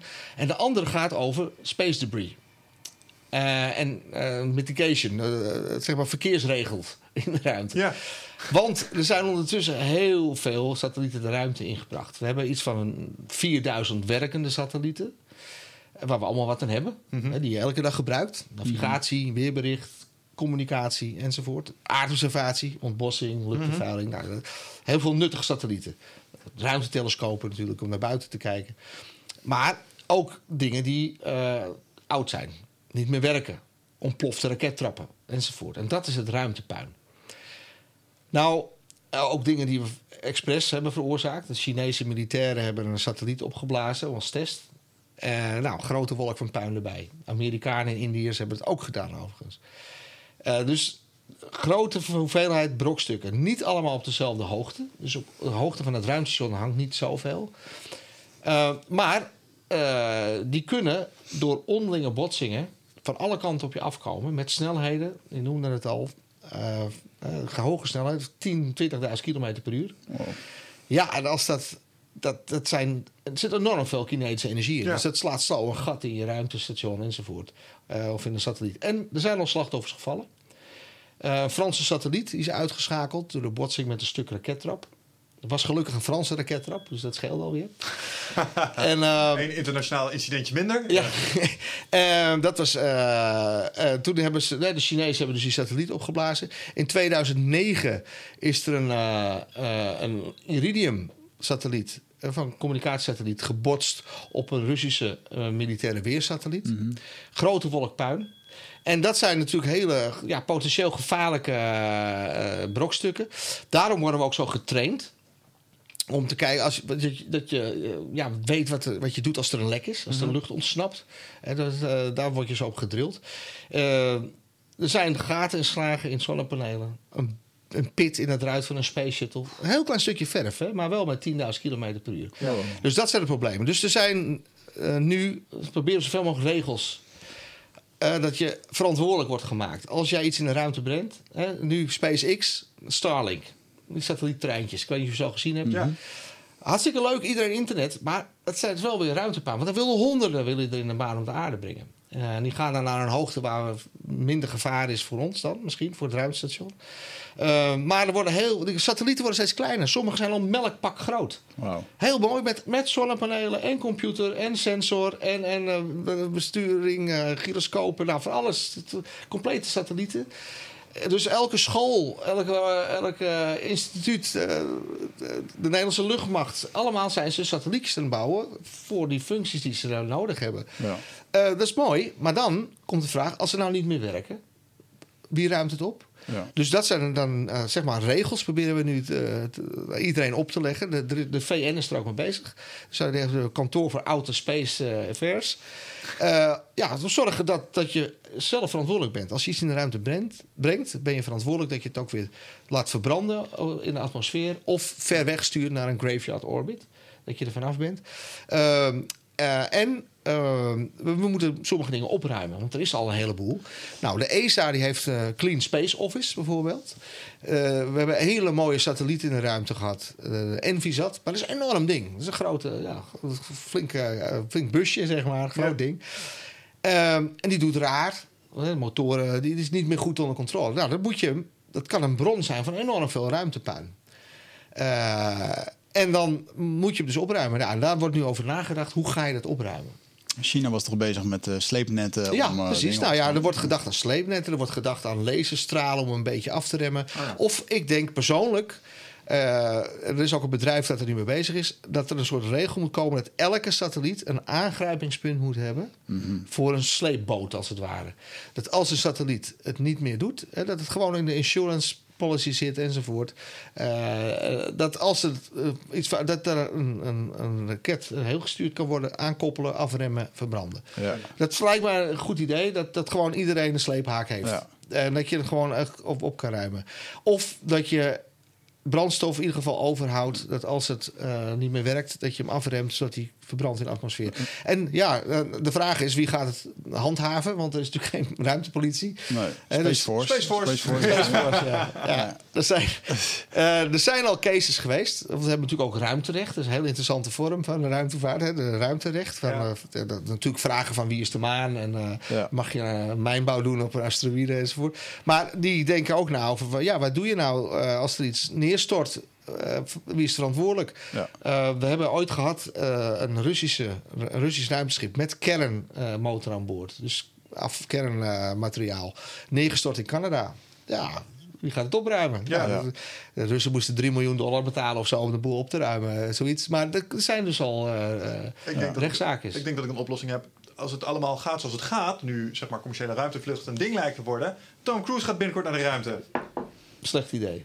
Waarom? Nou, Voor een film, hè? ja, weet ik. Ik dacht, eh, het is toch een held, Mission Impossible. Kan hij meteen even wat van Ja. dit soort dingen fixen? Nou ja, kijk, ik vind eh, Tom Cruise eh, een goede acteur overigens. Ja. Schitterende films. Alleen, het is aanhanger van de Scientology-secte. Ook geen goed idee. Gebaseerd op Oh, nu wordt het echt interessant. ja. Kijk maar eens die documentaire die erover gemaakt ja, nee, ik ben eh, op de hoogte van eh, waar die mensen in geloven. En dat is, Ja, eh, ik heb de South Park aflevering ook gezien. is. Gebaseerd op een science fiction boekje. Dus Ja. me geen goed idee. Maar, eh, kijk, kijk, dat is een grijs gebied. eh, toerisme, zeg maar. En Ja. dit, soort, dit soort dingen. Voor mij is de ruimtevaart iets heel belangrijks voor de, voor de maatschappij. Eh, voor het nut van iedereen. Eh, ik zei het al, we gebruiken het elke dag. Het, eh, navigatie, communicatie enzovoort. Eh, dus het is belastinggeld. Het is enigszins vervuilend, want je moet iets in de ruimte brengen. Daarna is het allemaal op zonne-energie enzovoort. Maar goed, Eh, maar het is voor iedereen. Iedereen heeft er wat aan. Nu is er al een tijdje dat er toeristen de ruimte ingaan. eh, Met de Russen. Die betalen daar eerst 20, nu 50 miljoen voor, geloof ik. Af en toe is er een stoeltje vrij. Ehm, die gaan wel naar een ruimtestation. Eerst was het uh, de Mir, maar het is ook Space Station. Uh, die gaan wel naar een ruimtestation dat van jullie belastinggeld gebouwd is. Mm Dus niet de bedoeling dat dat een hotel is voor mensen met veel geld. Dus dat begint al grijs te worden. Yeah. Weet je, dan denk je, oké, de Russen hebben dat geld hard nodig, want die hebben niet zoveel overheidsgeld uh, dat erin gaat. Uh, en dan ja, commercieel gebruik van de ruimte. Het is een logische ontwikkeling. Dat heb je gezien met de scheepvaart. Je hebt het gezien met de, met de luchtvaart. Het begint experimenteel. Gaat ook vaak mis in het begin. Dan wordt het vaak militair. Dan wordt het vrachtvervoer.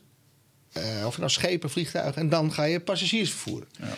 Dat zul je ook met de ruimtevaart zien. Dus het is op zich een logisch proces. Je zal straks een commerciële ruimtevaart krijgen in de vorm van een commercieel ruimtestation. Ja. Om materialen te bouwen. Je, maar toerisme is een enorme economische factor. Dus er zijn massa's mensen, daar had ik zelf ook voor gaan sparen. Uh, om toch de ruimte te kunnen als, als toerist. Dan moet je wel zeker weten dat het niet ten koste gaat, bijvoorbeeld, van de ozonlaag. Ja. Uh, het kan niet zo zijn dat voor het plezier van, van uh, rijke toeristen... dat we de rest van de wereld probleem heeft met beschadiging van...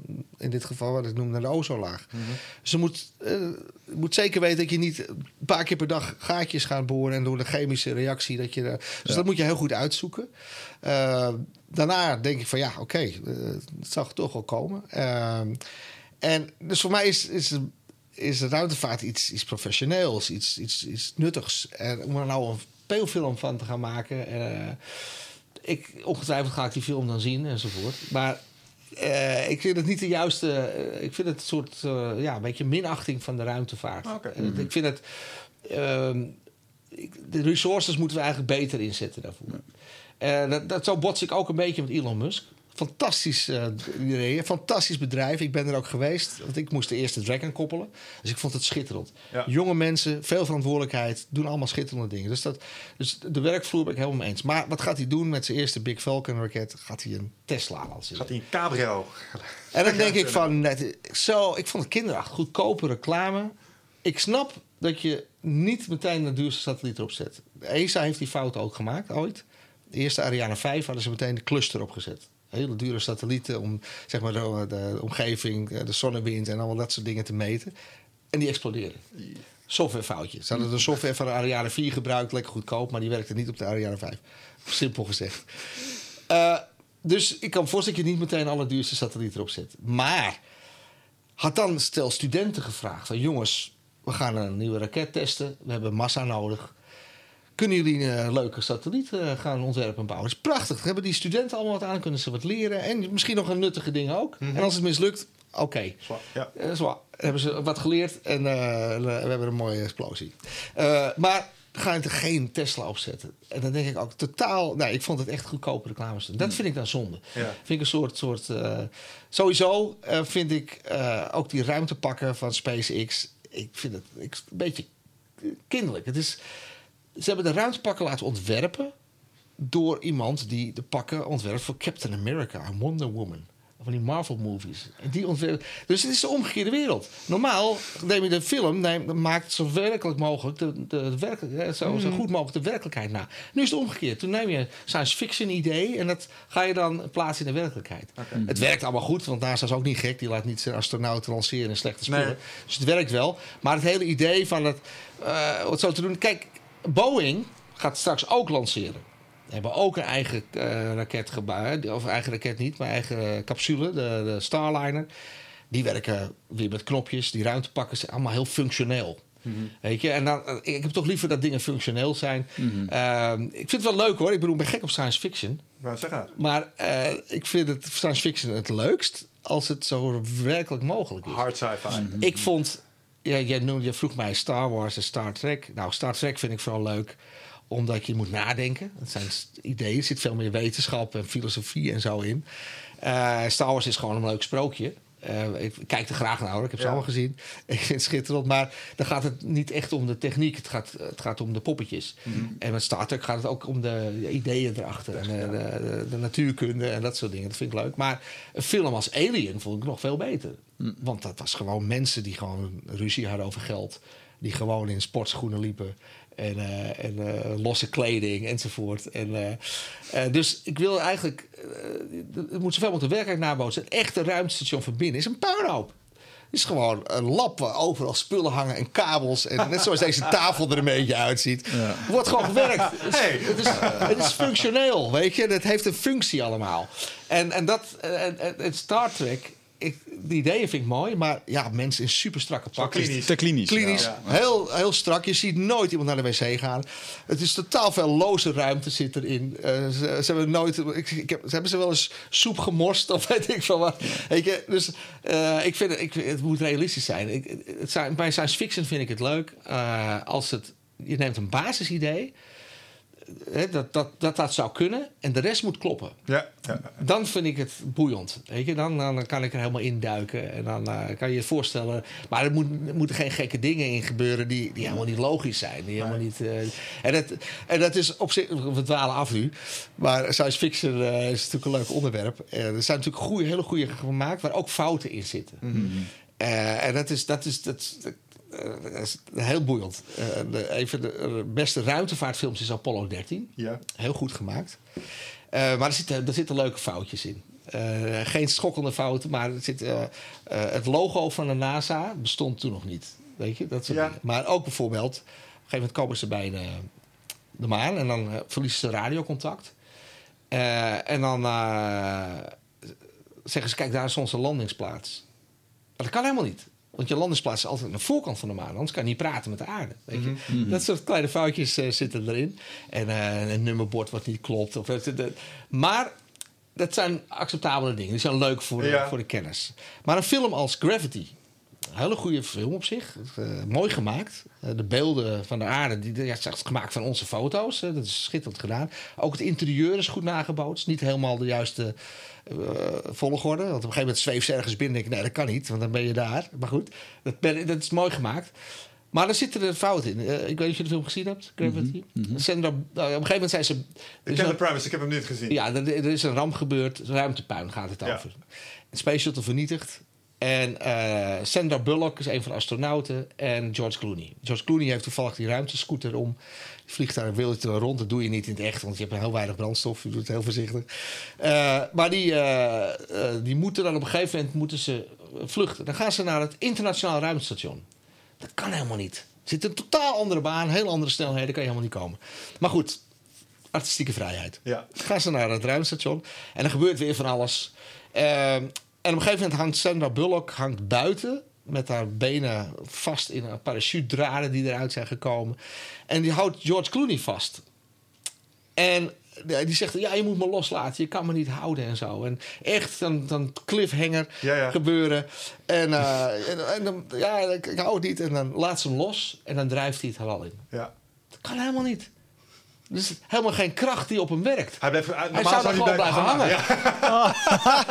Op de achtergrond zie je namelijk het ruimtestation. Dat hangt gewoon stil. Ja. Dus het valt gewoon allemaal dezelfde snelheid zo om de aarde heen. Ja. Dus ze hadden hem gewoon los kunnen laten. En ze hadden zichzelf zo in die parachute kunnen terugtrekken. Ah. Ze hadden het heel makkelijk op kunnen lossen om het ruimtestation te laten draaien. Als het ruimtestation tuimelt, dan heb je dus een centrifugale kracht. En dan zou je wel wegvliegen. En dus dat, dat was een, een foutje. Eh, en, en, eh, er zitten nog meer dingen in hoor. Ze komt uit het ruimtepak in, in, eh, in een t-shirtje en een, en een slipje. In werkelijkheid heb je een groot onderpak aan met allemaal buisjes eromheen voor de temperatuurregeling. En luiers hoor Nick. Dus Ja, luiers. en luiers ook nog een keer. Dus er zit artistieke vrijheid in. Maar sommige fouten die zijn natuurkundig. En eh, de film The Martian is ook heel goed. ja. Dat is eh, goed gedaan hoor. Eh, maar er zitten ook fouten in, in eh, natuurkundige fouten. Op een gegeven moment moet het hele ruimteschip terugvliegen naar Mars om met Demon op te halen. Eh, en dan moeten ze nog een ruimtelanding maken. En dan gaan ze naar buiten zonder vast te zitten. Dus ze springen van de ene plek naar de andere. Levensgevaarlijk. Als je het mist, ben je weg. Ja. Dan gaat de commandant, die moet weg met een ruimtescooter. Die moet met Demon oppakken. Die komt met een raket omhoog. En die vliegt dan. En op een gegeven moment, boing, zit ze vast aan een kabel. Nou, zij had dus niet vast moeten zitten met een kabel. Want zij heeft haar eigen voortstuwing. Ja. Dus die andere moet er vast moeten zitten met een kabel. Zij gaat gewoon los kunnen vliegen. Ze zet die motor even aan en dan zweeft ze langzaam erheen. En dan zet je de motor aan en dan ga je weer terug. je denkt ook al. Dat zou ik, en dan, dan denk ik van, is dit nou arrogantie van de regisseur of naïviteit? Ja. Hè, Een dus- klein beetje van dat laatste. ja. Ik geniet altijd van eh, als dit soort films uitkomen. eh, dan kijk ik altijd naar het Twitter-account van Neil deGrasse Ja, Tyson. Ja. Die heeft dat bij Interstellar Precies. heeft hij dat heerlijk allemaal lopen doen Ja. per scène. En, eh, Wat vond je van Interstellar? Vond je dat ook? eh, Ja, nee, dat vond ik leuk. Maar dat is eh, nog veel meer science fiction. Kijk, Mhm. Martian, eh, Gravity is er eigenlijk meer... Die, die zouden kunnen. ja. Hè? want We hebben die techniek. We zijn in de ruimte. We kunnen naar Mars. Eh Interstellar ging, was veel meer in de stijl van 2001. Dat je eh, naar iets hogers grijpt. Eh, In 2001 was het een hogere macht die leven creëert. eh, op, eh, maar Europa, bij Jupiter en zo. Eh, dus dan ben je bezig met metafysica enzovoort. En in Interstellar ook. eh, Tijdreizen. Dat is allemaal eh, iets theoretisch. Ik vond, maar ik vond het heerlijk om naar te kijken. Gewoon omdat ze keurig speelden met, met echte, eh, echte theorieën over de, over de, de relativiteitstheorieën. Ja, tijd en zo. ja, Sneller je hoe- gaat. Hoe accuraat was dat stuk waarbij ze op die planeet zeg maar twee uur doorbracht Ja, en die meneer daarboven was zeven jaar bezig? Ja, dat is ook zo. Dat is echt zo. Dat is echt zo. Dat Dat is echt dat met mij gebeurd. Dat is echt raar. Dat is, ik bedoel, hoe sneller je gaat, hoe langzamer de tijd Ja, gaat. jij bent een tijdreiziger. Een beetje. Ja. Ik ben, eh, ik ben eh, wat is het, een tiende seconde minder oud geworden dan jullie. Ja. Merk je niks van. Voor jezelf gaat de klok gewoon Nee, door. maar theoretisch Ja. ben En jij gebruikt het elke dag. Jullie gebruiken de, die, die theorieën van Einstein elke dag. Want als jij navigeert in je auto... Ja, ja, ja. ja. die satellieten die dat meten, Mhm. die hebben een grote snelheid. Die gaan op een bepaalde afstand van de aarde. En dan krijg je al die dingen die gaan meespelen. Eh, want die, ze hebben klokken aan boord. Mhm. Maar die lopen anders dan de klokken op aarde. Dus als je niet zou incalculeren hoe hard die dingen gaan en op welke hoogte ze vliegen, dan zou je eh, meetfouten krijgen. Oh. Dus mensen beseffen het niet, maar als ze navigeren met een mobieltje of in een auto, die gebruiken ze de, de, de, de, de berekeningen van Einstein. Ja. En er zit dus een correctiemechanisme Ja, in zit op het tijdsverschil Ja. dat die satellieten oplopen omdat ze sneller gaan dan Ja, wij. er zijn twee dingen. Je hebt de speciale en algemene relativiteitstheorie. Eén heeft te maken met snelheid. Mhm. Hoe harder je gaat, hoe langzamer de tijd gaat. Ander heeft te maken met zwaartekracht. En hoe verder, als je ver of dichtbij een bepaald zwaartekrachtveld zit, gaat de tijd ook weer eh, gaat sneller bijvoorbeeld en langzamer. Daar heb je dus mee te maken. En wij, wij, wij gaan dus heel hard. Ik- Wat ik altijd probeer eh, eh, uit, wat, wat mij eh, hielp, is het verhaal. Ik weet niet of dat van, in het boek van Hawking staat, maar stel je voor, je staat in een weiland. En er rijdt een trein voorbij in de verte. Donker weiland, een nachtelijke trein. Ehm, en eh, één iemand staat in die trein en jij staat in het weiland. Nou, die trein is 300.000 kilometer hoog. Want dat is de snelheid van het licht in één seconde. Of de afstand die het licht in één seconde aflegt. Je staat met een zaklantaarn in die trein. Dat is een spiegel aan het plafond. Lichtsnelheid is altijd vast. Vaste snelheid. Elk, Ja, elk ja, telefoon ja. heeft altijd de vaste snelheid, de lichtsnelheid. Als dat lichtsignaal gaat naar boven, naar die spiegel, 1 seconde. Komt weer terug naar beneden, 2 seconden. Voor jou in de trein zijn er 2 seconden voorbij gegaan. Maar voor degene in het weiland, die ziet iets anders. Die ziet namelijk een driehoek. Die straal gaat omhoog, maar- die trein beweegt. Die spiegel is daar. Dus je gaat dan naar de spiegel, maar die is daar. Dat is nog langere afstand. En dan gaat het weer terug. Dus voor degene in het weiland, want de snelheid blijft gelijk, maar de afstand wat groter. Voor degene in het weiland is er drie seconden voorbij gegaan. Ja. Snap je? Dus Ja, ja, in de ja, twee seconden, voor de weiland drie seconden. Nou, en als je dat eh, extrapoleert naar, de, naar Interstellar, dan klopt dat dus, ja. Dus de tijd is afhankelijk eh, van snelheid. Relatief, al die, al die Ja. dingen zijn relatief. En, en ik snap dit op papier als je dat zo uitlegt, maar toch vindt mij... Ja, ja, dat is d- d- tuurlijk, dat-. Dat is alsof je zo'n driehoekje door een rondje Ja, probeert te dat douwen. heb ik ook met die quantumcomputer. Ik, ik, ik, ik, geloof het wel. En dat, mijn natuurkundeleraar zei altijd van... Nee, je moet het niet begrijpen, hè? je moet het gewoon meten. Ja, ja, ja, ja, ja. En ik vroeg dan af, hoe kan het nou met een, eh, als je een, eh, een, een wip hebt... en als je verder weg bent, ben je zwaarder. En ik wil dat weten waarom dan en zo. En hij zei, je moet experimenteren en, dan, en daarna maak je de wetten. En zo zit dat Ja, dus. ja. Eh, dus ja, ik, ik, ik accepteer dingen, maar... het past niet in je dagelijkse leefwereld. Nee, nee. dat klopt. Nee. Mooi. Vet, Ik, eh, ja, ik, eh, ehm, ik zit stiekem op je klok mee te kijken. Oh ja, en jij gaat te laat komen. Maar ehm, ik denk dat we een beetje moeten gaan afronden. Ja. Ja, er valt zo over te vertellen. We kunnen nog drie uur door. Ja, ja, Maar ja, nu, nu er een beetje aan gesnuffeld hebt, misschien zou je het leuk vinden om dat nog eens een keer op een moment weer te doen. Kan. Kan. En eh, ja, dan ga ik het toch gewoon mijn kans. ik zie mijn kans schoon om dit te doen. Wij doen ook wel eens eindbazen experiences. Dat betekent dat we toffe dingen gaan doen, bijzondere dingen gaan doen, om gewoon om het te ervaren. Dus ik, eh, ik wil toch deze kans gebruiken. Of dat, ik, eh, of dat jij iets weet, kan jij ons ergens naar binnen brengen waar wij een dag lang met een cameraploeg wat dingen zouden kunnen doen. om zo'n experience te kunnen doen. Ruimtevaart, logisch wijs. Eh, Is- is er iets wat je bij ons kan regelen? Ja, er, zijn, er zijn natuurlijk eh, eh, standaard dingen.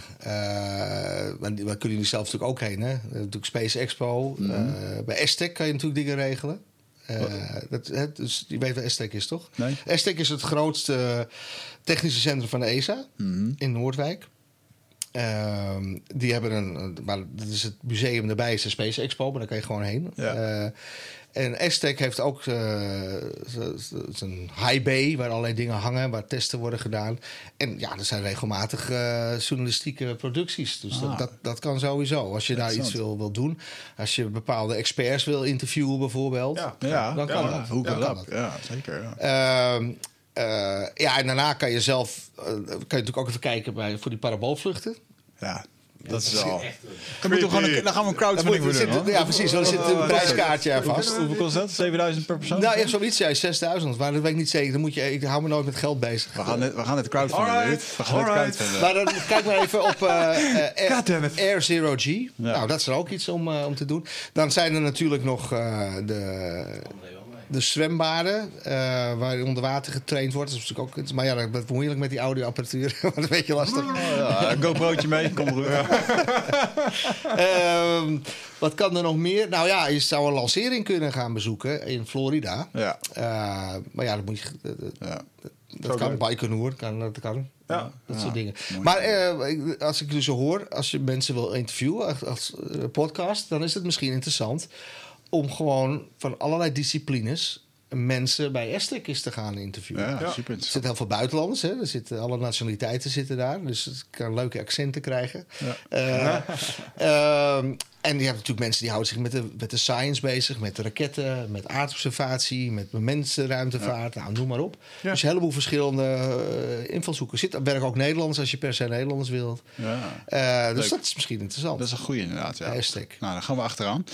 Dan denk ik En, dat ik... in, ehm, in Nederland heb je overigens de NSO, dus de Nederlands Space Office. Maar dat is onderdeel van een ministerie. Dus dat- maar er zitten natuurlijk eh, mensen die zich bezighouden met wat Nederland in de ruimtevaart doet. Nou, dan gaan we daar eens even induiken. En dan wil ik eigenlijk van jou, eh wat als jij nog een hele brandende vraag hebt. Maar Nee, anders dan, ehm, ehm, wat is nou een moment waarbij je jezelf echt helemaal scheef hebt gelachen boven in het ruimtestation? Ja, ja, ja, ja, dat weet ik nog wel. Eh, je moet je voorstellen, als je naar het ruimtestation komt, eh, zweef je dus. Hè? Alles zweeft. Eh, je moet heel erg opletten als je niet te hard gaat. Dan stoot je je hoofd of je rukt de kabel van de muur. Dus je moet heel langzaam moet je verplaatsen. Dus op een gegeven moment word je daar heel goed in. Eh, dan kan je heel makkelijk met een paar vinger, doe ik zo je vinger, kan je een beetje rondzweven. Eh, en normaliter kun je altijd wel iets aanraken in de buurt en je afzetten. Want zwemmen heeft genut. Er valt niks om tegen af te zetten. Dus je moet alles doen met een duwtje van je voet, met je, van je handen. Eh, en we hadden vrijdagavond hadden we movie night. Dan verzamelden we ons in, eh, in Note One.